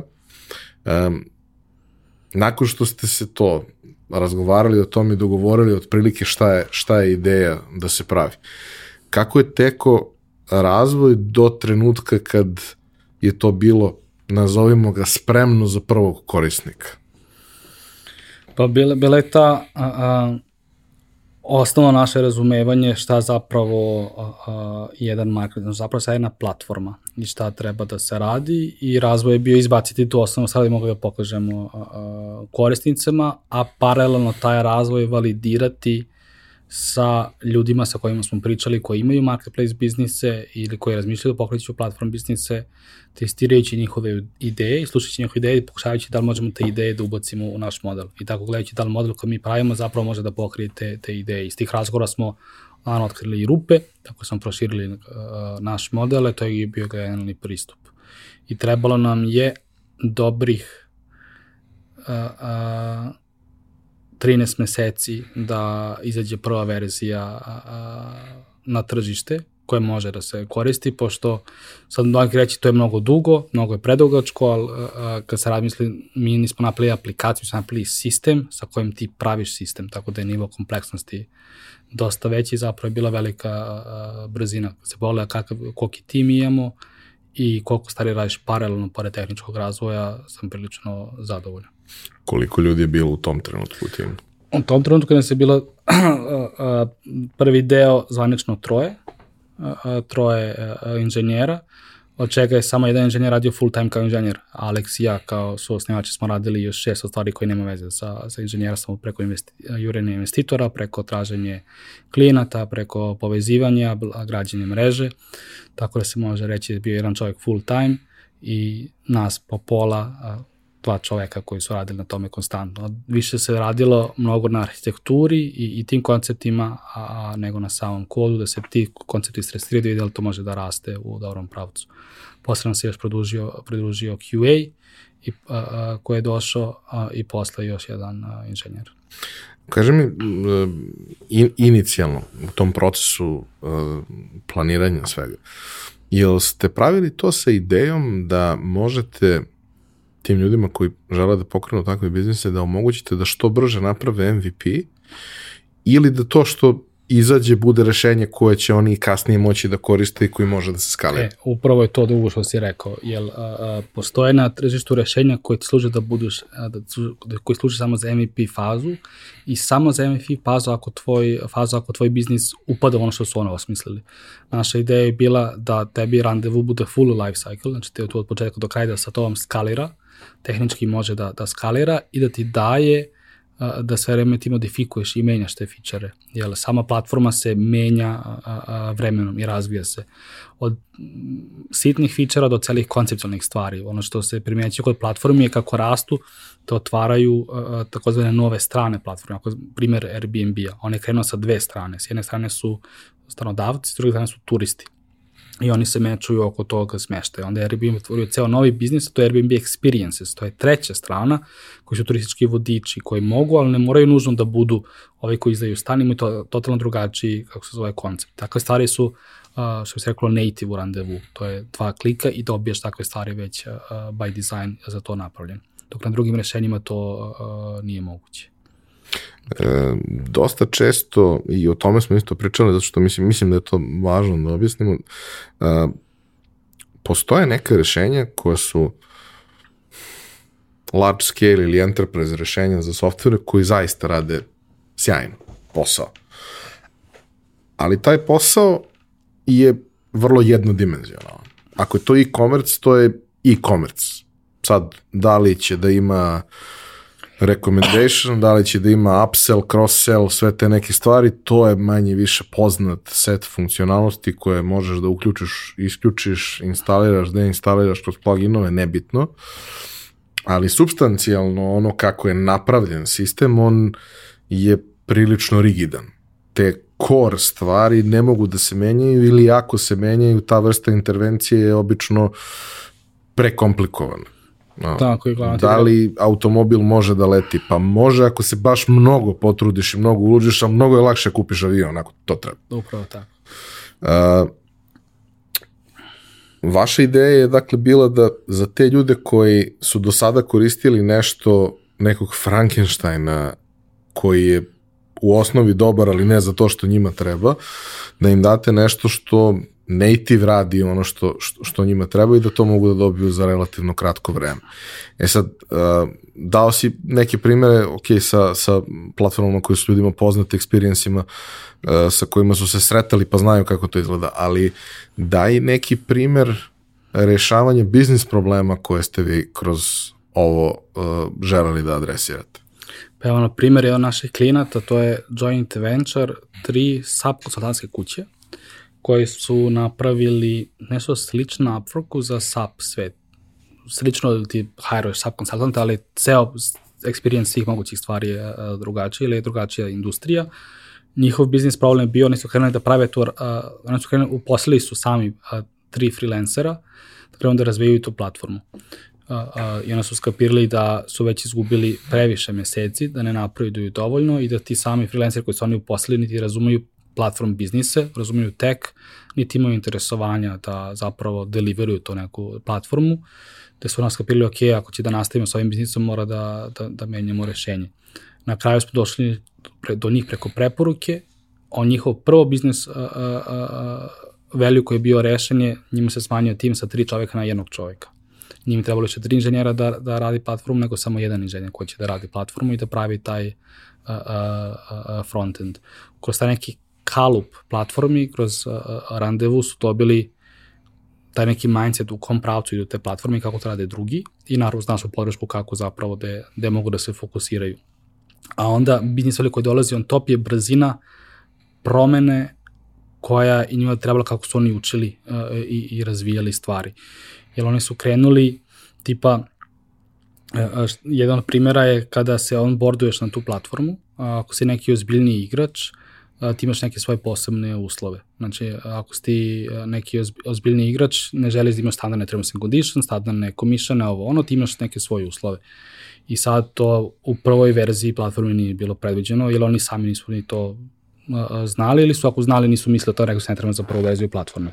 Kad je to došlo na tapetu i kad, je došao, kad su došli klijenti koji nisu htjeli se onboardaju na platformu tog fičera nema, jer ne mogu to da urade, uh, oni su to feature roll, auto, uh, roll outovali za tri dana uh, koristeći randevu. I to je opet ono bio biznis to su oni zadržali taj biznis momentum, nisu rekli svom potencijalnom klijentu, e super, čujemo se za 2, 3, 4, 5 meseci kad to bude moguće, pa ako si joj zadržate onboardom, nego su bili super, čujemo sledeće nedelje, ti pokažem kako to radi, možete da validiramo i rešenje i dolaziš na, na, na platformu.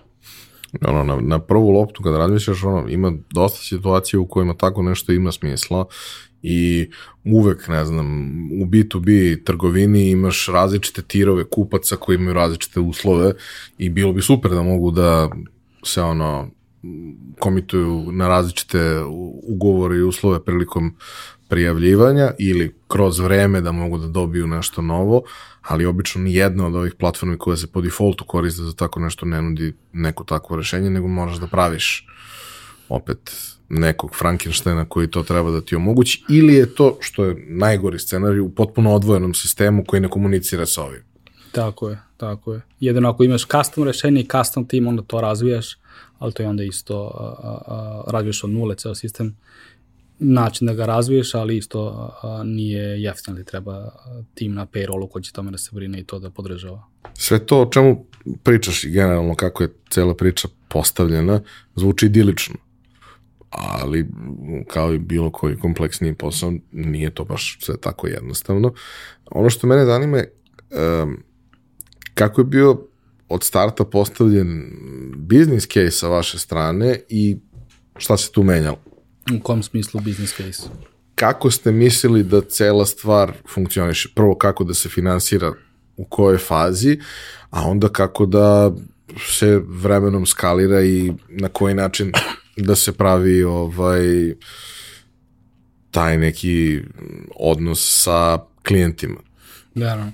E, e, sa strane finansiranja krenuli smo odmah sa investitorima i prva ideja da smo ušli bio Antler, koji je early stage VC, e, neka mešavina VC-a i acceleratora zapravo, osnovan od jednog norvežanina, drugara Marka Zuckerberga, i kako on kaže, jedine koji nije te odradio na Facebooku kada Marko opičovo i da je zažalio što je odbio tu ponudu tada. Ušli smo tu, sad idealno da uzmemo finansiranje prvo i da nađemo isto biznis čoveka, pošto smo Alex i ja, nama je tek najjača strana. I prva inicijalna vizija je bila da će randevu biti tehnički self-service za, za tek ljude.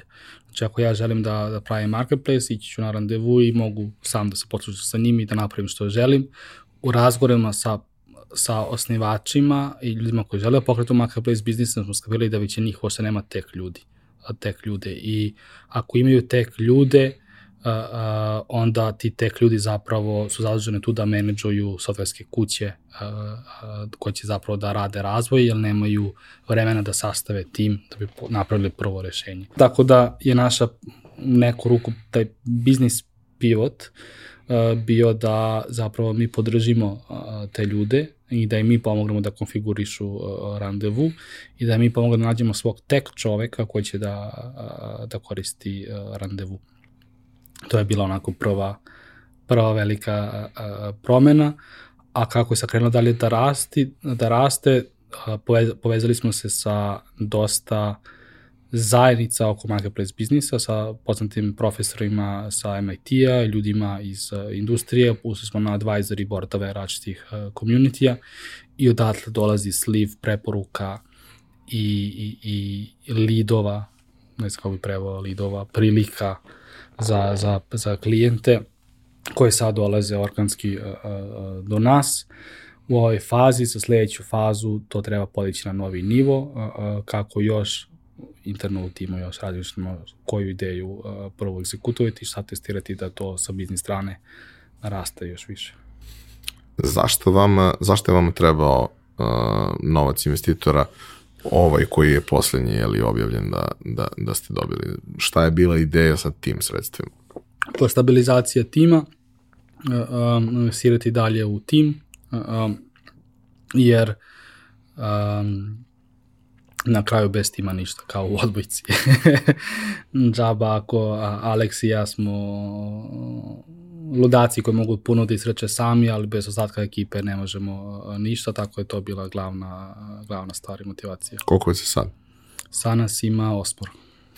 E, ono što je mnogo dobro u, u vašoj sadašnjoj poziciji je to što prošlo je dovoljno vremena, platforma rešenje je prilično razvijeno, iako naravno ima još beskonačno posla, jer ljudi koji vole sebi komplikuju život uvek imaju nešto novo da naprave. The product is never done, što se kaže. Tako je. Ali ovaj, to, znači, rešenje je zrelo, ima korisnike, ima use case-ove koji su vrlo reprezentativni i u perspektivi naravno to će, to će još rasti i svaki use case je odličan mamac za, za sve neke nove. Uh, I mislim da je jako važno iz ugla svakog investitora što ste vi biznis koji ostvaruje prihode, niste biznis koji uh, želi da razvija nešto beskonačno, pa će u nekom trenutku možda neki korisnik početi to da koriste, ne, vi imate aktivno ovaj, i korisnike koji koriste i korisnike koji dolaze sa, sa idejom da se uključe u celu priču. Um, Daj mi još neke zanimljive use case-ove gde je vaše rešenje napravilo onako breakthrough za, za osobu sa druge strane. Pa evo sada upravo smo stvorili a, a, jednog klijenta iz Amerike koji a, a, su u B2B svetu, B2B a, a, platform biznis, nije marketplace biznis, to je platform biznis. U suštini se dve strane mečuju, ali kako platforma zarađuje nije marketplace, nego platform na ono tome što nam mečuje, to je order a, a, zapravo capture svoje value. Oni su imali svoje posveće rešenje na jedno naše konkurencija koje je zapravo sa marketing strane imaju super stranicu, super copy, ovaj, marketinški uh, tekst, uh mhm. -huh. prodaju, sve super. Oni su sa njima krenuli, onboardovali klijente i sada su dostigli sve tehničke limite jer je ispod haube to rešenje zapravo Magento. A, I sad, dosta ljudi pljuje Magento, što mislim da je pogrešno. Magento i dalje je super rešenje. A, a, I mnogi veliki biznisi, biznisi dalje idu na Magento, ali Magento je online shop rešenje. Sad, online shop za, za, za ljude koji nisu toliko duboko u temi može izgledati veoma slično platform biznisu, ali zapravo je mnogo daleko. I oni su sada u problemu da im se biznis momentum koči. Oni uh, uh, imaju problem da njihovi postojeći korisnici kažu, e, ako ovo ne krene da radi brže i, i bolje, ja ću prestati da naručujem ovde. Uh, ne donosim vrednost. Oni su u strahu da onboarduju nove klijente, jel kako se zove sistem je krenuo da puca, krenuo je da pada. Iako su oni pojačali uh, uh, subscriptione koje plaćaju toj konkurenciji, jednom se došao sistem na, na limit, ali nije za to dizajnirano. Što si ti rekao, mogu ja da nabuđim uh, kola, da svima letima, bolje kupim odmah avion. I sad je use case da radimo migraciju sa tog sistema na naš, gde se naravno ti feature repliciraju kroz konfiguraciju randevua, plus oni će da rolloutuju nove feature na svojoj platformi koji su naučili tokom vremena, koji nisu mogli da rolloutuju. Ovde je bio sve, sve custom development, sve neke custom ekstenzije, sve neke stvari, a ovde je to native podređano po randevu. Tako da je to još jedan slučaj koji čekam da krenem da se hvalim čim ta platforma bude live. Kaže mi u razgovoru sa potencijalnim klijentima koje niste zatvorili, koji, koji nisu sada još uvek korisnici, šta ste, da kažem, šta su neki još probleme koje nismo pominjali sa, sa kojima se oni susreću, a koje ti vidiš da biste vi mogli da rešite, možda ne odmah, zato što ne postoji trenutno rešenje za to, ali u perspektivi sigurno. Ti ono što sam primetio je a, a, kod mlađih ekipa, ima nekog mlađeg teka, vidim Filipa, mene samog od pre 7-8 godina, a, koji je u fazonu, ja mogu se to da razvijim od nule i što bi ja išao na neko rešenje, ja ću sve to razviti od nule i ne treba mi puno vremena i to će ići brzo. I kako se zove, gde su ono, tek ljudi zaljubljeni u sam tek, a ne u biznis i, i izgube svrhu zašto zapravo nešto uh, razvijaju I tu bi mogli da shvatimo muke, jer oni se, oni se odlučuju da, da razvijaju sami, zapošljavaju ljude i onda je inicijalni plan biće za dva i po meseca na tržištu. To sad ne znam nijedno koji to uspeo da uradi, uglavnom je 8, 9, 10 meseci, neki su čak i ostali bez para, nisu stigli da, da izađu na tržište, gde se sve odužilo, brdo problema koji su otkrili ispod haube, te probleme a, a, su mogle biti prevented, mogu sprečene. sprečene, zaobiđene kompletno sa, sa randevu, ne bi morali trošili, troše vreme zapošljavaju ljude, ne bi radili sve od nule, bukvalno bi se samo fokusirali na sam srž marketplace biznisa, platform biznisa koji sam po sebi nije lak. Ti treba da razviješ takozvani chicken egg problem. Odnosno šta je starije, koliko što ja, treba dovedeš ljude koji će nešto da ponude na platformi, a treba da dovedeš ljude koji će nešto da traže na platformi. Što će ovaj da dođe ako nema ovih drugih? I to treba... Ja, matchmaking platforme su u tom smislu pakao. Tako, i to sa strane biznisa je veoma kompleksno, tebi treba dva, dva biznis tima za dve strane platforme, dupli messaging, dupla komunikacija, i da se fokusiraš na to, on, ti se fokusiraš na, na tech, a koje na kraju niko uh, ne. Ili ono, ja sam sam to isto skapirao i to mi je bila dobra lekcija kad sam ja bio taj uh, koji se pravi od nule, uh, kad smo išli da onboardujemo naše klijenta na naš marketplace biznis, gde smo celo večer proveli fiksajući neki uh, deployment pipeline, nešto nije radilo, pakovali da sve to radi, sutra ujutro onako pre pretpone noći idemo kod klijenta, ponosni i srećni, on kaže, jao Filipe, kako vam je super ovaj API što ste napravili, svaka čast. Šalim se, totalno ga nije zanimalo ništa od teka, zanimalo ga da li je Žika iz Ičnog Belina na platformi, njegova konkurencija i ako jeste da će i onda se, da se registra i da se javno bio ok, ova osoba ne ceni apsolutno ništa što smo mi radili sa tek stvari i koliko smo se ono namučili i, i, i, i radili. I ono, kao neko ko voli tehnologiju, zabolelo je jako, ali nakon par dana skapirao da sam ja isto takav. Da li sam ikada otišao na Airbnb da bukiram nešto sa oni ispod sada rolloutovali novi authentication API. Hmm, da li sam bukirao nešto na Uberu, jer su sad prešli sa Fargate-a na, na Kubernetes. Ono, kao tech ne, koristim tu ili zapravo ima ta sama vrednost platforme su ti učesnici platforme koji se tu i zato ideš tamo. Kad imaš, to smo pričali x puta ovaj, i sa nekim klijentima koji te angažuju da, da uradiš tehničko rešenje ok, mislim, meni kad god je nešto i ole kompleksno, meni to zanimljivo, naravno.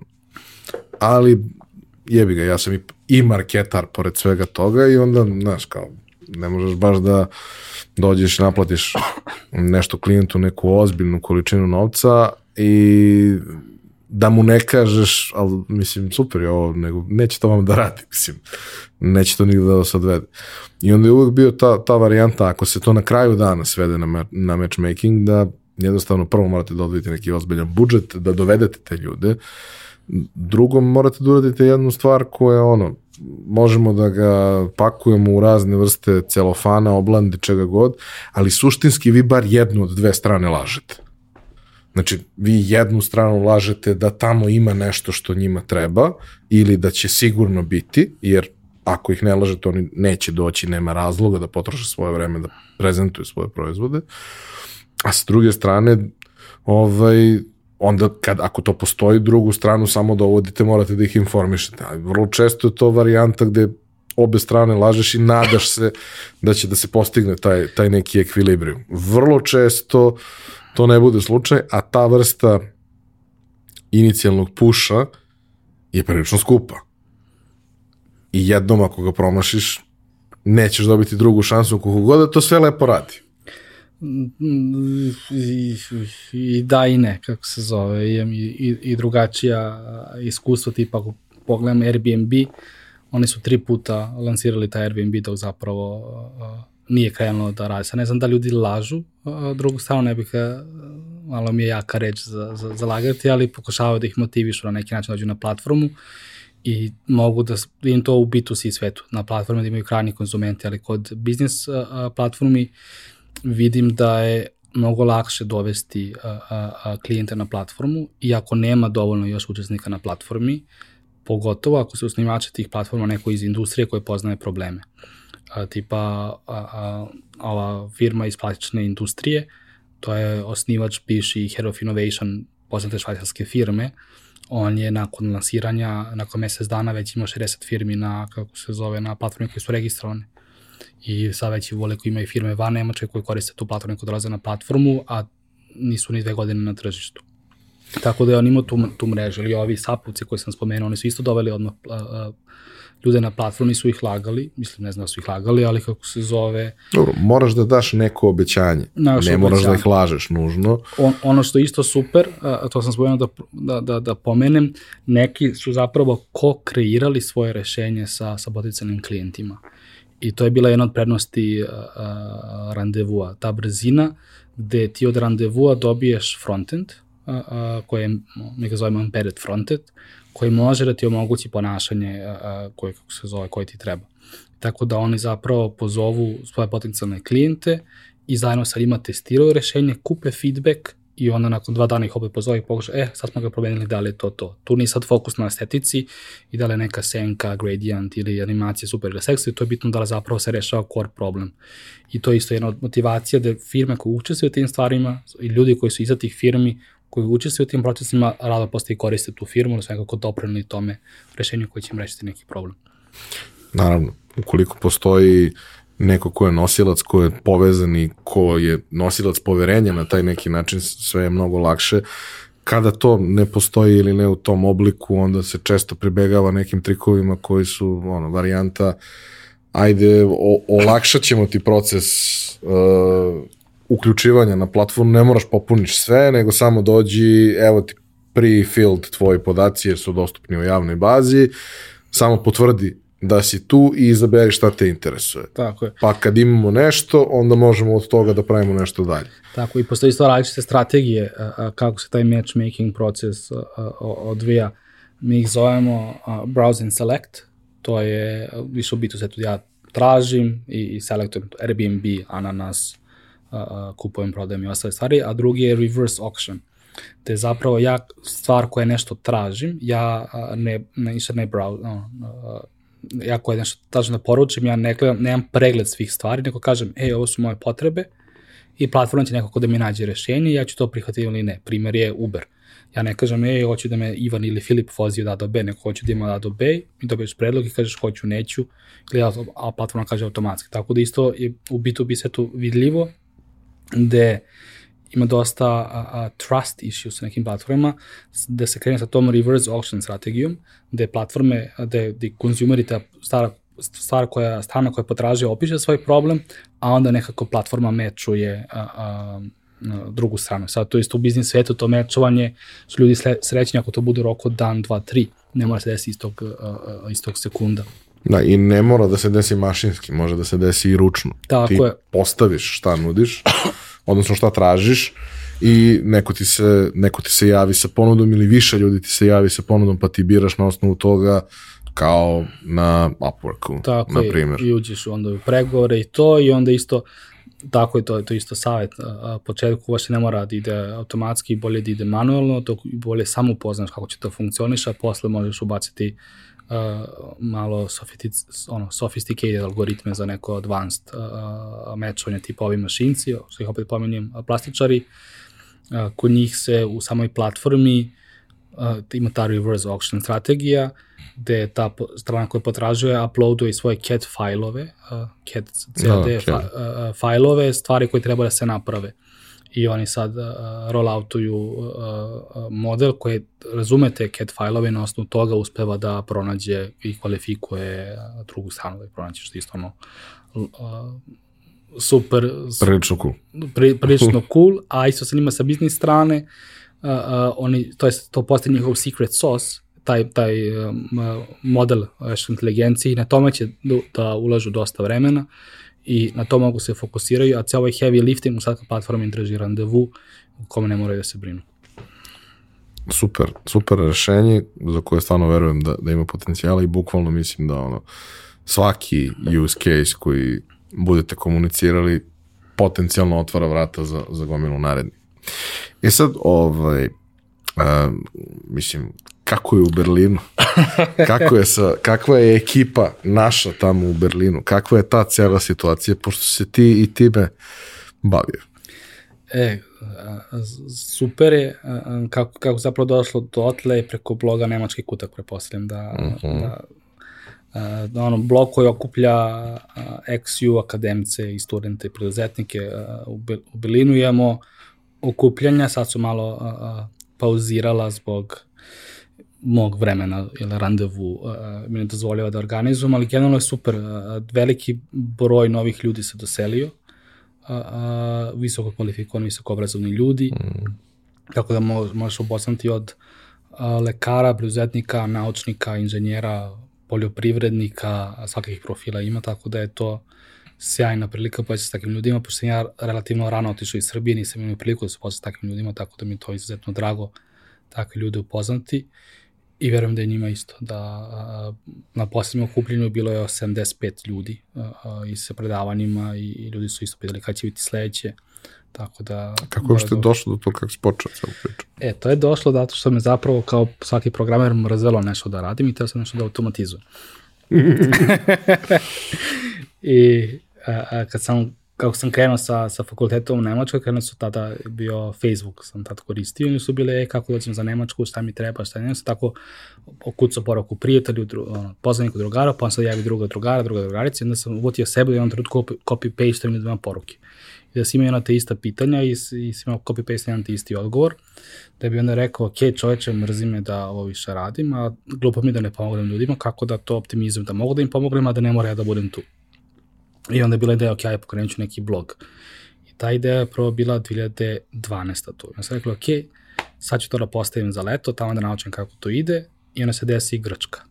Onda odem na, na faksu u Grčku, kao kad iz Grčke, onda ću kako se to da postavim, vratim se, krenu ispiti, a kad se to desi, sad ću postavim blog, cak, dođe Amerika.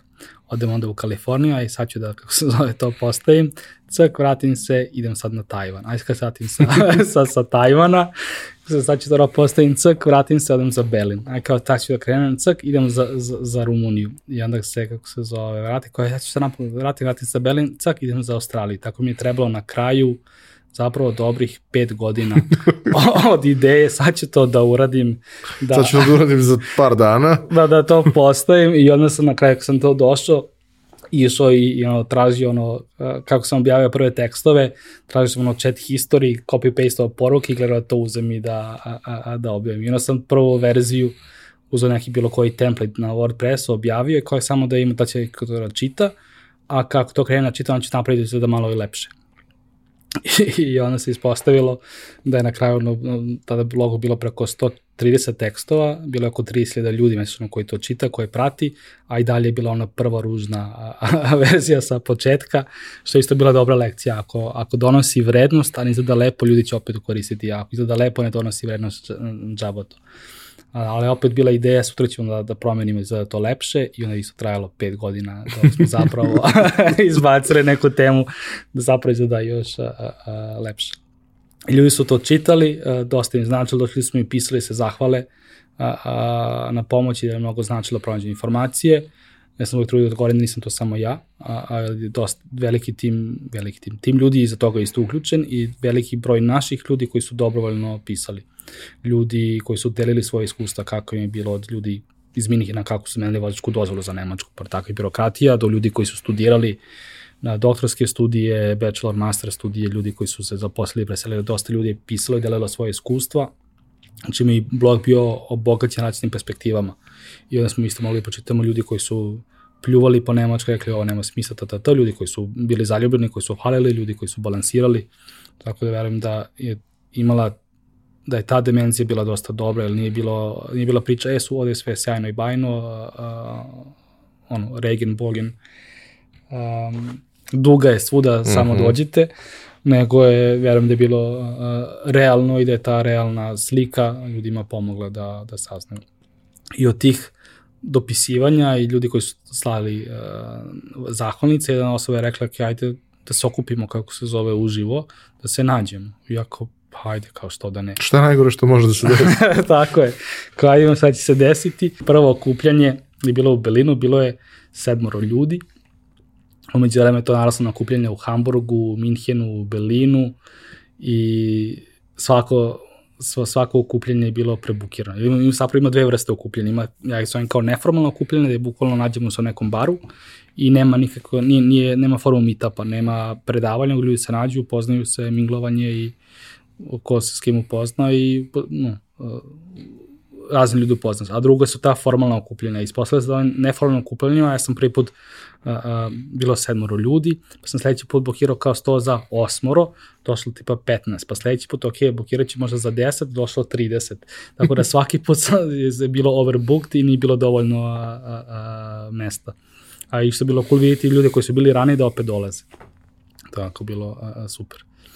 E, u tim svim iskustvima koje ljudi dele, naravno, koga zanima, pročitaće. Ovaj, I super je što može da pročita više različitih da stekne neku, neku sliku ovaj, za sebe, da formira sliku, a ne da preuzme samo nečiji, nečiji utisak.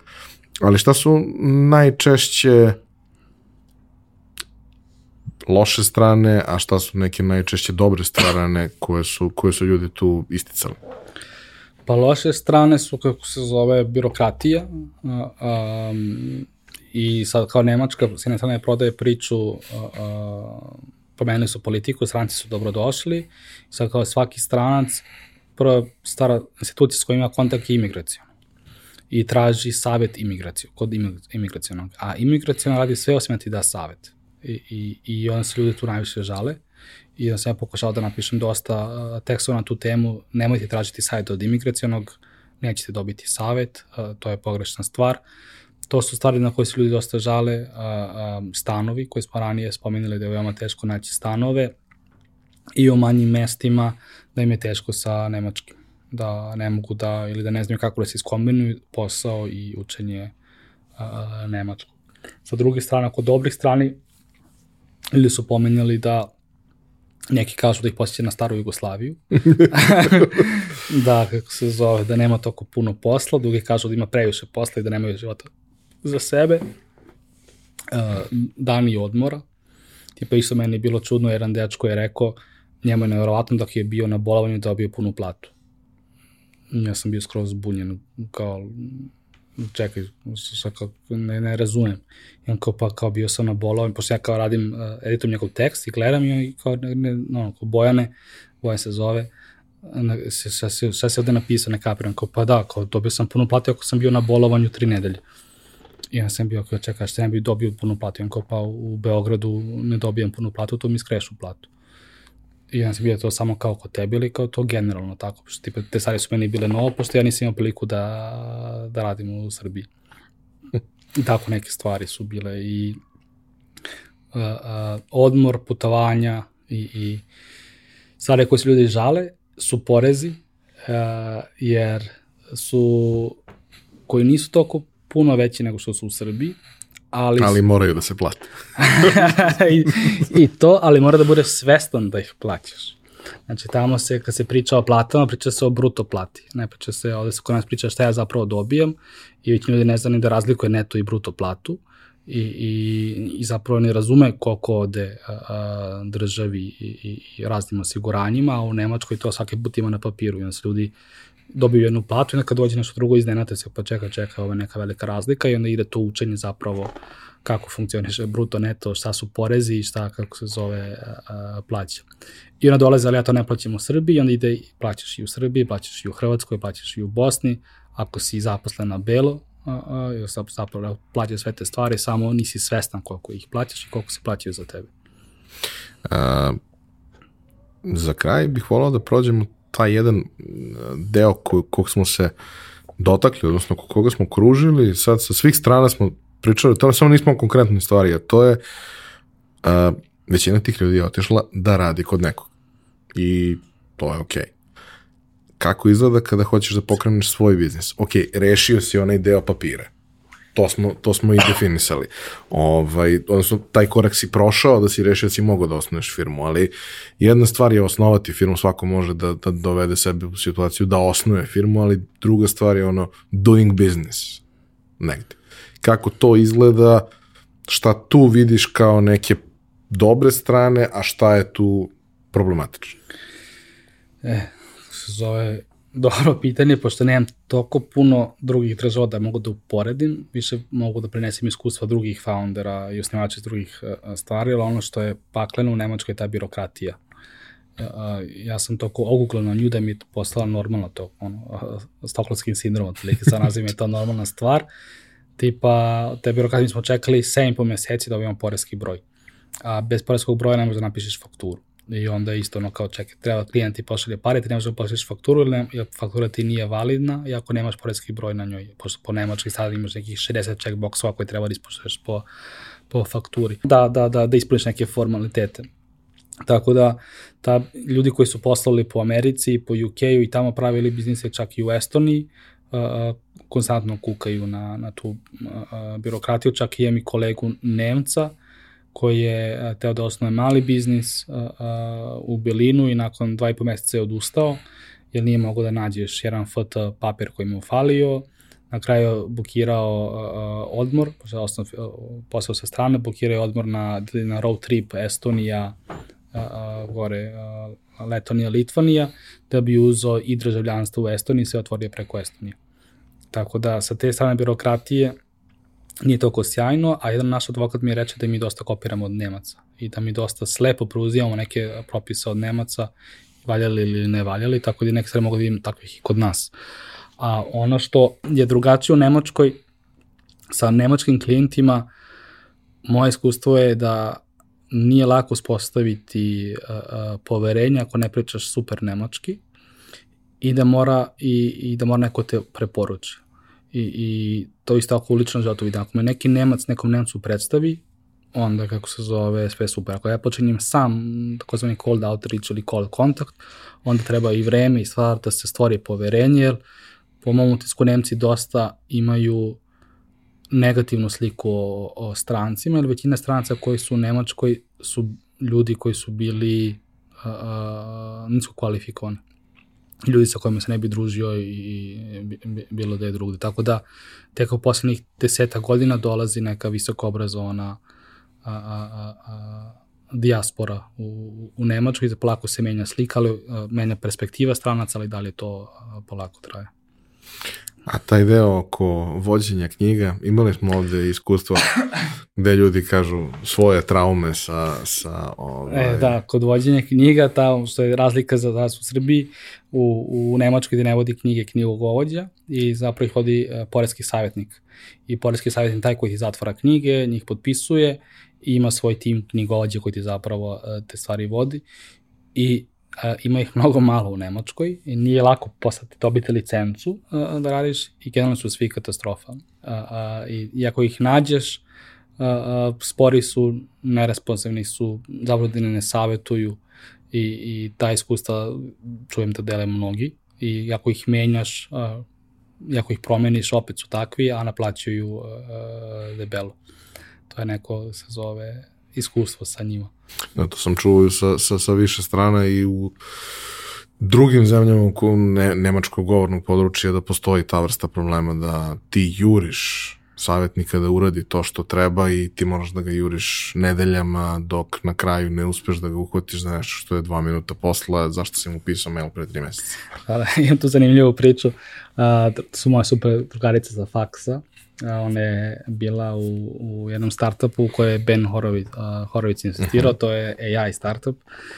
I oni su imali, uh, oni su prvo, pošto su u Berlinu, našli svog prvog uh, parijskog savjetna knjigovođa iz, iz istočnog Berlina koji je odrastao u komunizmu. I sad ona meni priča, priča, oni su sad digli neku rundu, ne znam koliko je to, nekoliko miliona je, je bilo, i sad idu sa njim da, da te stvari regulišu i dok su na sastanku o njima priča, ovaj kapitalizam je katastrofa, treba se vratimo u, u DDR, kakve su ovo pare, ovo treba sve raspodeliti. A gde ona koja vodi operacije firme sedi i razmišlja se, ok, treba nam podhitno novi poreski savjetnik ili odeš ove pare koji su upravo stigle. Tako da ima ih i takvih uh, uh, poreskih savjetnika. Ja, to stvarno zvuči uh, traumatično u najmanju ruku. da. Um, ok, tebi je mm, suštinski celo tvoje zrelo doba si proveo u Nemačkoj i po svetu. Nemaš previše relacija sa, sa ovim našim prostorom ovde u tom nekom smislu. Um, šta je dalje plan sa, sa randevu tekom? Pa u Berlinu smo sada, uh, uh, onboardujemo nove klijente, imamo sad te klijente iz Amerike, UK-a, Australije, uh, Nemačke, dolaze novi, za tu smo, tu smo za sad, Imamo čerku firmu u Srbiji smo otvorili skoro sa idejom da a, a, zapošljamo i u Srbiji u, u narednom a, periodu dodatno i to je to, razvoj, a, dalji razvoj, bordovanje novih klijenta i, i rast. Dobro. Deluje kao dobar plan. Pa tako, kao kaže Mike Tyson, svaki plan je dobar dok ne dobiješ po njusi. Hvala ti što si podelio priču, svakako je nestandardna, ovo što, što sam negdje očekivao iz naših prethodnih razgovora. Mnogo mi je drago da, da si dao toliko nekih različitih perspektiva, mislim da e, uvek je pitanje koliko ljudi zapravo mogu da nauče iz tuđeg iskustva, ne mogu da, da, da nauče verovatno previše, neke stvari moraš da doživiš sam, ali ima mnogo stvari koje možeš da se zapitaš nakon što čuješ nečije iskustvo, tako da verujem da je, da je ovde bilo jako puno materijala za tako nešto. Hvala ti puno na tome. Hvala puno na pozivu za gostovanje, bilo mi je drago. Hvala vam što ste nas slušali, nadam se da vam je bilo interesantno. To bi bilo to za ovu nedelju, mi se vidimo ponovo naredne. Realizacija pojačalo podcasta ne bi bila moguća bez naših izuzetnih partnera. Kompanije Epson, koja je vodeći svetski proizvođač projektora i štampača za sve namene, i kompanije Orion Telekom, provajdera najbrže internet infrastrukture u Srbiji sa preko 30 godina iskustva. Više informacija o njima i njihovoj ponudi pronaćete u opisu epizode.